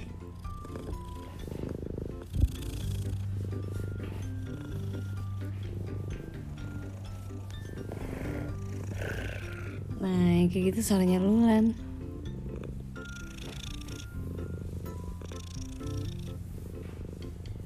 Dia lagi senang banget dibelai Dia kayak lagi Kayaknya kalau ciri-ciri orang sayang sama kucing itu sih udah jelas banget ya sayangnya iya. Orang kalau sayang kucing tuh udah pasti kucingnya dibelai Mm-mm. Terus Kemudian disediakan barang-barang yang dibutuhkan. Hmm, kayak litter box. Nah, litter box itu eh, kan kayak itu kan tempat buat kucing, maaf ya, BAB. mm-mm. Disediain makanan Makanan yang bergizi Disediain minuman Silulan lagi ngejilat tangannya mami. Nah terus eh, Kita sediain mainan. Terus Kucing tuh juga perlu diajak ngobrol loh. Iya, benar banget. Kucing itu bukannya pot bunga. Dia bukan pot bunga, bukan kendi, bukan pintu rumah. Dia makhluk hidup yang juga perlu. Eh, kita disayangi. notice. Iya kita notice ada dia. Notice me. Mm-mm. Nah Tapi penasaran gak sih gimana sih Kalau manusia sayang sama kucing Itu kan udah biasa ya Pasti kalau manusia sayang sama kucing tuh Kucingnya yang sering dibelai Sering dipanggil Sering dikasih makan gitu kan Tapi beda nih Kalau kita pengen Sebagai manusia pengen tahu Eh kucingnya kita tuh sayang gak sih sama kita Itu gimana sih caranya? Yap, benar banget. Kita akan membahas itu di podcast yang kali ini. Mm. Nah, mungkin langsung aja ya. Ciri-ciri yang pertama kucing itu sayang sama kita, dia suka menjilat kita. Ya, benar banget. Jadi, kucing menjilat kita itu merupakan tanda dia sayang sama kita. Iya, kayak Lula nih, dia suka eh, jilat-jilat kita. Soalnya dia pikir, wah ini manusia belum mandi, ini perlu dibersihin. Iya sih, bener Jadi dia juga. mandiin. Sama kayak eh, si Lulan, dia suka mandiin si Muiza kan, dia suka jilat Muiza karena dia berpikir, wah ini eh, bulunya Muiza kotor nih, perlu aku bersihin nih. Nah dia mandiin. Atau atau enggak si Rimba, Atau enggak si Rimba kucing kita itu. yang udah wafat kan. Mm-mm. Nah, terus kata orang juga nih Syah, ciri-ciri kucing sayang sama kita dia bakalan suka bawain kita oleh-oleh kalau dia berasal dari luar rumah. Nah, itu sih kayaknya aku punya pengalamannya. Kayak gimana tuh? Jadi, ingat kan kucing kita yang namanya Kari? Mm-mm. Mm, jadi kan eh, dia itu eh, dulu waktu aku masih kecil, aku kayak eh, melihat dia tuh jalan ke arah aku sambil ngebawa kayak hewan mati gitu, nggak tahu ya, kayaknya sih tikus. Nah, kalau dari situ aku emang udah pikir tanda dia sayang sama aku dan ternyata sekarang-sekarang tuh pas aku eh, figuring out, aku search-search di internet cara ku- eh, tanda kucing sayang sama kita tuh bener membawa oleh-oleh. Cuma oleh-olehnya itu yang beda ya teman-teman. Bukan kayak eh, barang-barang yang bagus cantik yang kayak dari eh, toko-toko. Wah buka pokoknya bukan eh, barang-barang itu deh. Cuma melainkan kayak makanan eh, bukan makanan juga sih. Cuma contohnya itu kayak yang maaf ya bikin kita jijik. Ya kayak, kayak misalnya dia ketemu jangkrik atau dia ketemu eh, belalang, ntar dia bawa pulang, dia kira dia ketemu mungkin dia ngomong kayak gini ya, look at this, it's fun, look at this, I brought you something. iya sih nah dia itu berpikir tuh kayak kita bakalan terhibur gitu sama apa yang dia bawa. Mm-mm. nah terus ada juga nih tanda-tanda kucing sayang sama kita. Eh, tadi kan pertama dia jilat kita nih tangan kita atau dan ternyata yang jilat yang sayang sama kita terus menjilat itu bukan cuma anjing ya tapi kucing juga ya Mm-mm. kucing juga teman-teman Nah terus kalau misalnya ciri-ciri yang lainnya, kucing tuh biasanya suka nempel Syah sama kita. oh iya benar banget Bawanya dia tuh pengen sama kita aja. Itu tuh sama kayak seolah dibilang I want to be with you forever. iya aku setuju Mm-mm, atau dia pengen bilang I just want to be with you. Aku cuma pengen sama kamu, tuanku, my human. Eh, dan dia nempel sama kita, nempel aja. Hmm, jadi tuh tanda kucing sayang sama kita tuh dia pengen selalu deket-deket kita terus di mana pun kita berada mereka tuh pengen selalu deket-deket sama kita Mm-mm. Dan biasanya nih kalau rasa sayang itu kan sebelum ada rasa sayang ada rasa trust dulu kan. Ada kayak rasa percaya dulu. Nah berarti kalau dia udah sampai sayang sama kita, dia pengen nempel sama kita terus, yaitu dia berarti trust sama kita. Dia dia e, merasa yakin bahwa kalau aku deket-deket sama orang ini nih, aku aku akan aman. oh Heeh. Nah terus nih ciri-ciri yang lain nih Syah kalau pengalaman mami nih kucing kita itu tuh suka ngikutin kita ke mana-mana loh kayak kita ke kamar mandi dia ngikutin tahu iya dia jadi nggak peduli tahu kita tuh lagi ngapain. Maksudnya lagi mohon maaf ya lagi kayak buang air kek lagi apa kek. Dia ngikut aja. Padahal kan kucing penciumannya tajam juga ya. Mm-mm. saya tahu deh kalau kayak di kamar mandi gitu kok dia kayak nggak terganggu gitu. Dia ikutin aja tuh kita. Maksudnya pernah nggak eh, pernah nggak sih mami pengalaman mami mandi eh, abis itu kan pintunya ditutup kan? Nah di depan pintunya itu ada siluan ngu- nungguin. Abis itu mami buka mami ketemu dia berdiri di depan pintu. Pernah itu pernah sih cuma aku mandi terus buka pintu ya nggak pernah ya. Tapi kalau selesai mandi terus eh, keluar dari kamar mandi terus tiba-tiba eh dia nungguin depan pintu. Dia jagain tahu?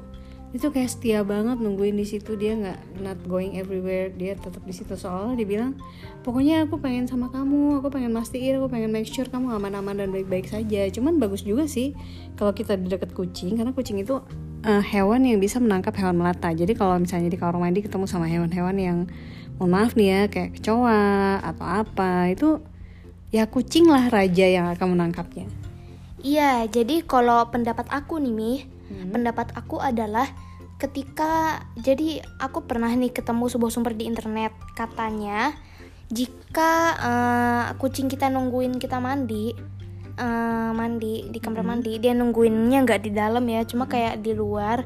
Itu karena kucing itu merasa ya namanya kucing eh, itu kan dia adalah hewan yang nggak suka sama air. Cuma ada eh, beberapa jenis yang eh, suka bermain sama air. Nah kebetulan kucing-kucing kita ini eh, jenisnya yang eh, mungkin nggak suka sama air. Nah mereka ini merasa air ini tuh nggak cuma berbahaya untuk mereka tapi juga untuk manusia.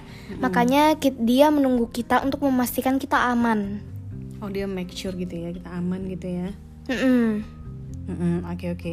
Nah terus nih ada hal lainnya nih. Yang salah satu ciri di mana kucing uh, sayang sama kita. Biasanya kalau kucing sama- sayang sama kita dia hmm, tadi ngikutin ke mana-mana udah ya. Dia bermanja-manja sama kita juga udah. Nah dia itu suka ini sih suka manggil-manggil kita. Mm-mm. jadi misalnya nih lapar enggak? Lapar ada loh kejadian kucing kita itu manggil bukan cuma karena dia lapar.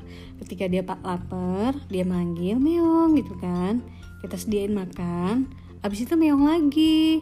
Eh ternyata dia pengen dimanja. Dia pengen deket-deket kita lagi itu juga salah satu ciri-ciri kucing sayang sama kita Eh, oh iya Mi, maaf nih Mi. Jadi aku mau flashback tadi Eh, waktu pembahasan kita yang tadi kucing itu ngikutin kita terus. Jadi di mana pun kita berada kan mereka akan ngikutin. Cuma mungkin ada dua alasan kenapa kucing itu mengikuti kita. Pertama karena untuk memberitahu kita bahwa dia lapar, atau yang kedua karena dia punya insting untuk menjaga kita karena dia juga sayang sama kita. Pernah gitu? peng- iya pernah pernah pengalamannya aku siang-siang masih inget banget waktu itu tuh benar-benar siang. Aku abis makan abis makan nih. Nah kemudian aku mau itu mau menaruh piring ke dapur karena kan mau nanti mau dicuci. Akhirnya eh, aku kan nga- ambil piringnya abis itu aku jalan ke dapur. Nah si Jody tuh kayak ngikutin aku dia tuh menatap aku dan dia tuh mengeong. Nah itu tuh aku tuh mikirnya karena dia sayang sama aku. Cuma kalau aku inget-inget lagi sekarang tuh kayaknya sih enggak deh Eh, sebenarnya sih kejadian itu eh, di tahun 2020 ya kalau nggak salah udah lama banget Udah dua tahun yang lalu ya. Mm-mm. ya begitu sih Berarti dia ngapain tuh waktu itu? yang apa Yang Jordi ngikutin. Eh, itu sih aku juga nggak tahu ya cuma awal-awal dia ngikutin aku tuh dia menatap wajah aku dia mengeong itu aku tuh merasa dia tuh tanda dia sayang sama aku tapi sekarang aku inget-inget lagi ternyata kayaknya itu tanda dia lapar deh Oh iya. Jadi bisa jadi dia mengeong. Itu bisa jadi karena dia lapar itu bisa juga sih. Dan dia pengen dan kita emang harus selalu tapi beda-beda culture kali ya sayangnya kalau di rumah temen mami itu makanan kucing itu nggak tersedia setiap waktu jadi ada jam makannya ada misalnya makan pagi ya disediainnya pagi makan siang sediain siang makan malam sediain malam. Dan in between tuh nggak di antara jam-jam itu nggak ada makanannya nggak disediain. Kalau agak beda kasusnya dengan kucing kita kan. Kalau kucing kita kan setiap waktu disediain makan. Emang agak repot sih kalau setiap waktu sediain makan gitu ya. Karena itu berarti dia akan makan kapan saja. Dan dia akan pup kapan saja juga. Mm-mm, jadi repotnya kalau dia pup itu kan kan maaf ya nih kita harus membuang eh, itunya eh ee-nya itu loh. Iya ngeberesin pupnya. Karena kan kucing juga nggak suka kan lingkungan yang nggak bersih. Untuk kalau dia ntar mau BAB, BAK, ke kalau dia pengen BAB atau BAK di litter box pasti dia nggak suka kan tempat yang ada bekas maaf ya ee-nya. Jadi dia nggak begitu suka lingkungan yang kayaknya sih dia tuh nggak suka lingkungan yang bau sama nggak bersih. Nah ngomong-ngomong pasir kucing nih. Pasir kucing kan macam-macam ya. Ada yang pasir yang wangi Yang pasir gumpal Pasir biasa ya kan? Ada juga beberapa orang itu nyediain pasir itu pasir gumpal. Di mana kalau si kucingnya buang air di pasir tersebut Maka cukup yang dibuang adalah pasir di sekitaran eh, tempat pupnya aja iya benar banget Nah tapi entah kenapa ya kalau mami tuh pernah nyoba kayak gitu juga sayang. Padahal pasirnya udah lumayan bagus sih kalau ngeliat dari harganya ya, tapi nggak nggak begitu tahu juga ya. Tapi kalau ngeliat harganya sih harusnya itu udah pasir premium sih waktu itu. Nah mami tes juga tuh, ntar bagian yang kotor aja yang dibuang. Bagian yang kotor termasuk beberapa pasir di sekitarnya dibuang juga gitu kan. Tapi enggak loh itu tetap bau aja. tetap Iya pasirnya tetap tetap bau aja gitu. Bau aja gitu pasirnya kayak kayak nggak kayak nggak diberesin.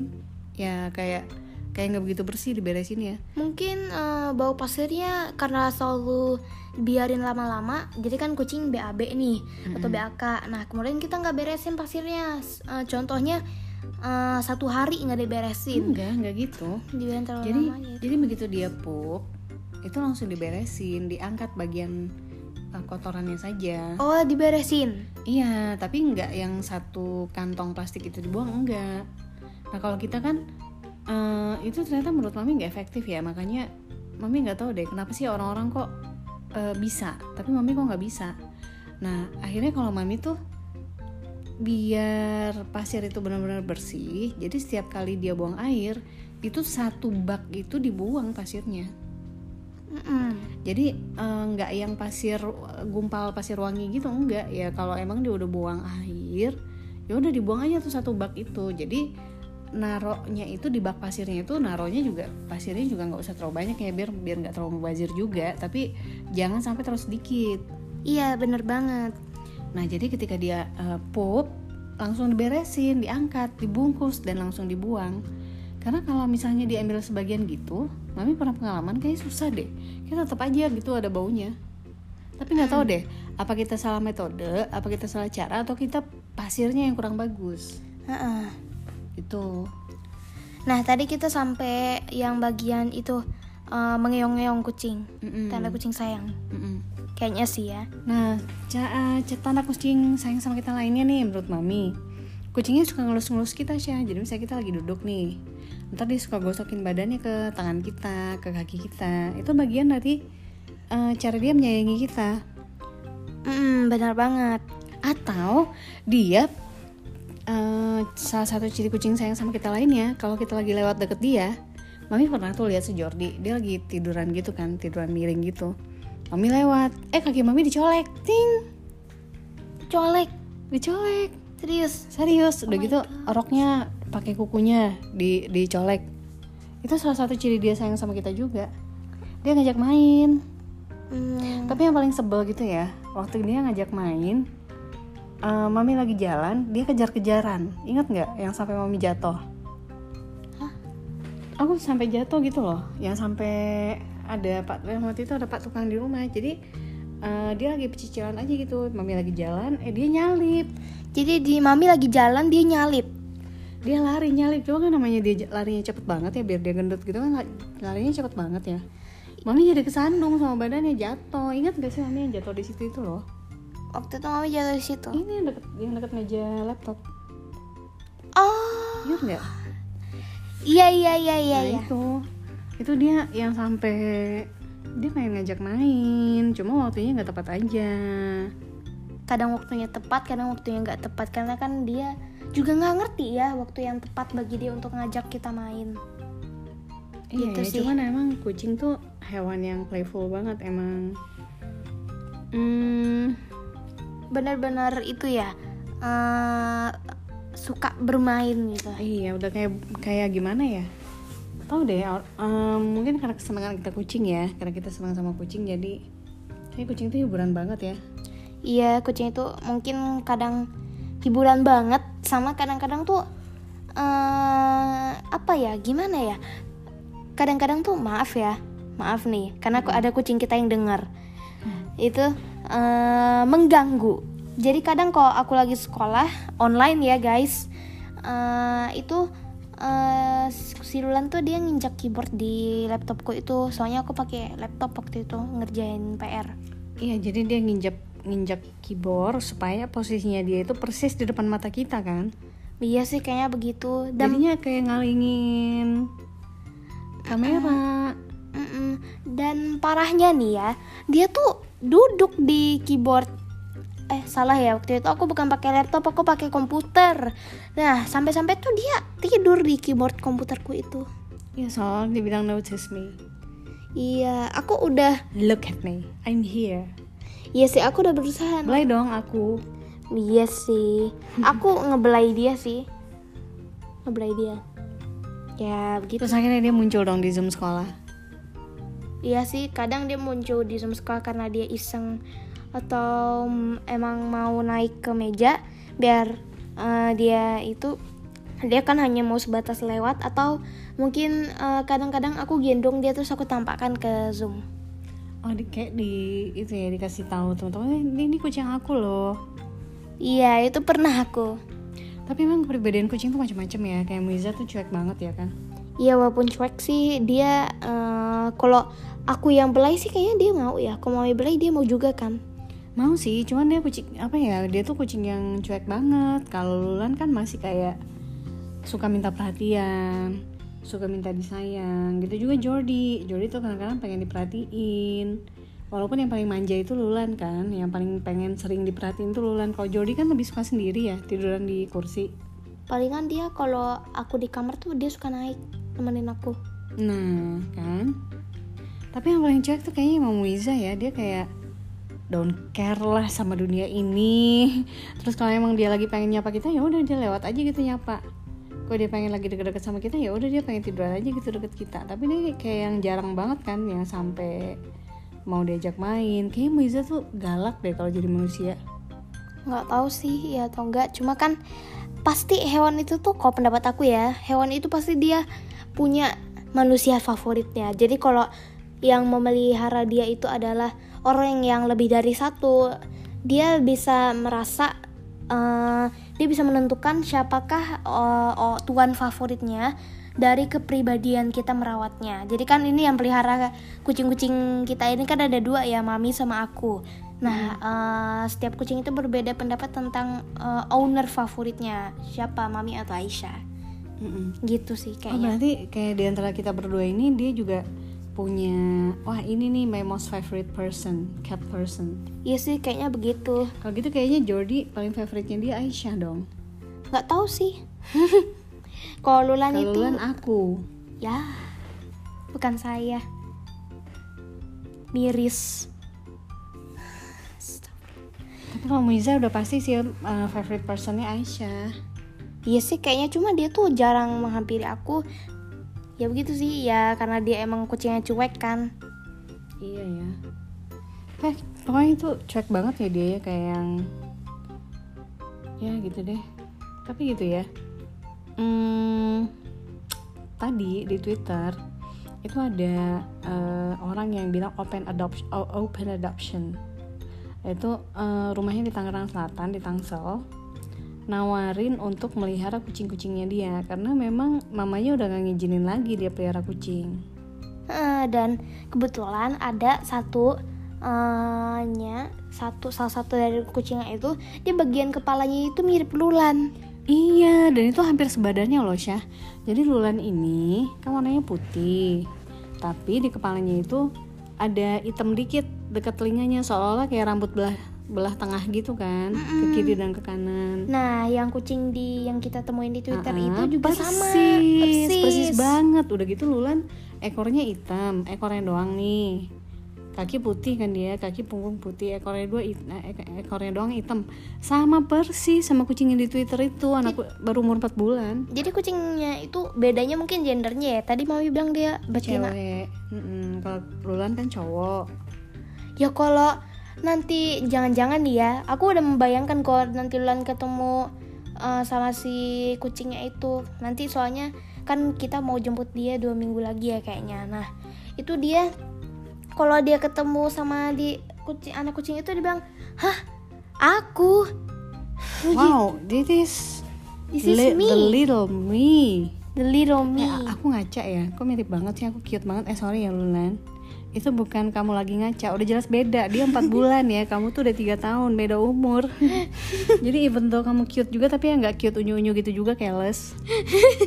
Eh Lulan ngedenger loh mi. Nangis tapi nanti dia. tiduran. Iya sih cuma kan dia belum terlalu tidur banget. Ya gitulah ya. Hmm. ciri-ciri kucing sayang sama kita lainnya apa dong Syah? Eh, dia itu mendengkur Oh, itu karena dia seneng kali. Emang itu tanda dia sayang sama kita. Iya sih, soalnya eh, ini mungkin adalah eh, tanda kucing sayang sama kita yang obvious, yang pasti eh, udah umum banget. Nah, jadi aku pernah nonton di YouTube, itu kucingnya lucu banget, sumpah. Siapa namanya? Aduh, Channelnya apa channelnya? YouTube Mm-mm. eh, nggak inget ya, kalau nggak salah Katie and Franklin. I see. Terus terus. Itu eh, jadi itu eh, kontennya kucing kucing namanya Katie sama Franklin. Mm-mm. Dan Katie itu aslinya cowok. Cowok. Dia jadi dikasih nama Katie. Mm-mm. Ini gimana sih? Pemiliknya salah kaprah apa gimana? enggak jadi pemiliknya itu eh, ngira dia tuh cewek Oh, dan udah terlanjur dikasih nama Katie. cuma eh, Kenapa nggak diganti aja namanya? namanya eh, sekarang jadi Kaden cuma eh, masih bakal dipanggil Katie I see, I see. nah mereka ini eh, YouTube channel mereka ini sharing tentang tanda kucing sayang sama kita Oke. nah katanya itu juga purring atau berdengkur kayak Oh, purring gitu ya. I see, I see.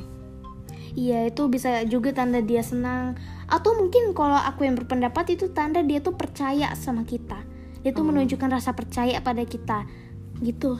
Mm-mm. Ya begitu sih kalau pendapat aku ya. Ya gitu ya. Eh iya sih. Tapi emang penting banget ya kalau kita itu ada rasa ikatan dengan kucing kita. Artinya kita sayang sama dia dia juga sayang sama kita. Jadi jangan kayak nganggap kucing tuh hewan yang menghibur kita jadi kapan kita mau sayangin dia kita sayangin dia kapan kita lagi nggak mau sayangin dia kita cuekin aja nggak gitu juga Iya bener banget Mm-mm. Nah kucing itu hewannya sensitif loh sebenarnya dia bisa tahu kita itu tulus apa enggak sih sayang sama dia. Itu kayak kucing-kucing kita tuh ya Syah. Kalau kita belai itu kayak kayak si Lulan tuh yang paling sering ketika kita belai itu dia menatap wajah kita, dia lihat mata kita. Karena mata nggak bisa bohong ya. Dia lihat dari mata kita. "Ah, kamu beneran sayang gak sih sama aku? Aku pengen lihat nih dari dari matamu. Kamu emang beneran lagi sayang nggak nih? Jadi Lulan tuh tipe kucing yang nggak mau dibelai sembarangan aja. Dia pengen dibelainya tuh benar-benar dengan perasaan gitu. Kucing lain juga dong Mi Kucing lain juga ya. ya sih kayaknya sih begitu jadi dia pengen make sure kita tuh benar-benar membelai dia tuh karena niat yang tulus bukan asal belai aja gitu ya si Lulan sih emang kayaknya sih bener ya termasuk kucing yang pengennya itu jangan disemba jangan sembarangan dibelai Iya, jangan sembarangan juga. Dan kita juga perlu mengingat lagi ya, kita dengan kucing itu coba deh kita bayangin. Punya mata sama-sama dua. Kuping sama-sama dua. Mulut sama-sama dua. Hidung kita sama kucing sama-sama satu. Eh sorry, mulut, satu. Hidung dua.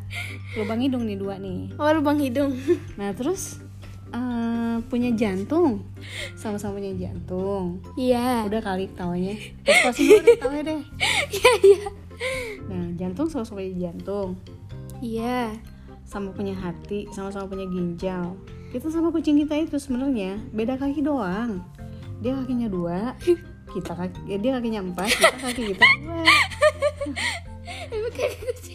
Ini kayak ngantuk deh aku. aduh Jadi sebenarnya kita sama kucing itu tuh beda tipis. Bedanya dia nggak bisa bicara bahasa manusia dan dia otaknya tuh nggak secerdas manusia karena kan emang Allah menciptakan manusia itu sebagai yang tertinggi kan, ya, spesies yang tertinggi di bumi, Hmm. yang paling mulia gitu. Hmm. Jadi ya karena apa pun kelemahan kucing kita ya tetap kita harus mencintai dia padanya. Nah tuh si si Miza ngetok pintu. Yaudah yuk di close aja. Eh, di close Ini udah 26 menit. Oke, insya Allah Kak, kita bisa bikin part 2 Insya Allah. Nah, eh, terima kasih teman-teman karena udah mendengar podcast ini Dan tadi aku masih kakak banget Mami bilang mulutnya dua Eh mulutnya satu ding. Kalau dia berdua baru mulutnya dua.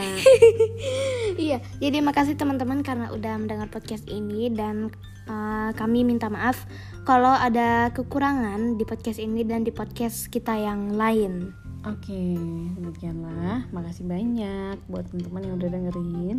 Wabillahi taufiq wa hidayah. Assalamualaikum warahmatullahi wabarakatuh Bye. Dadah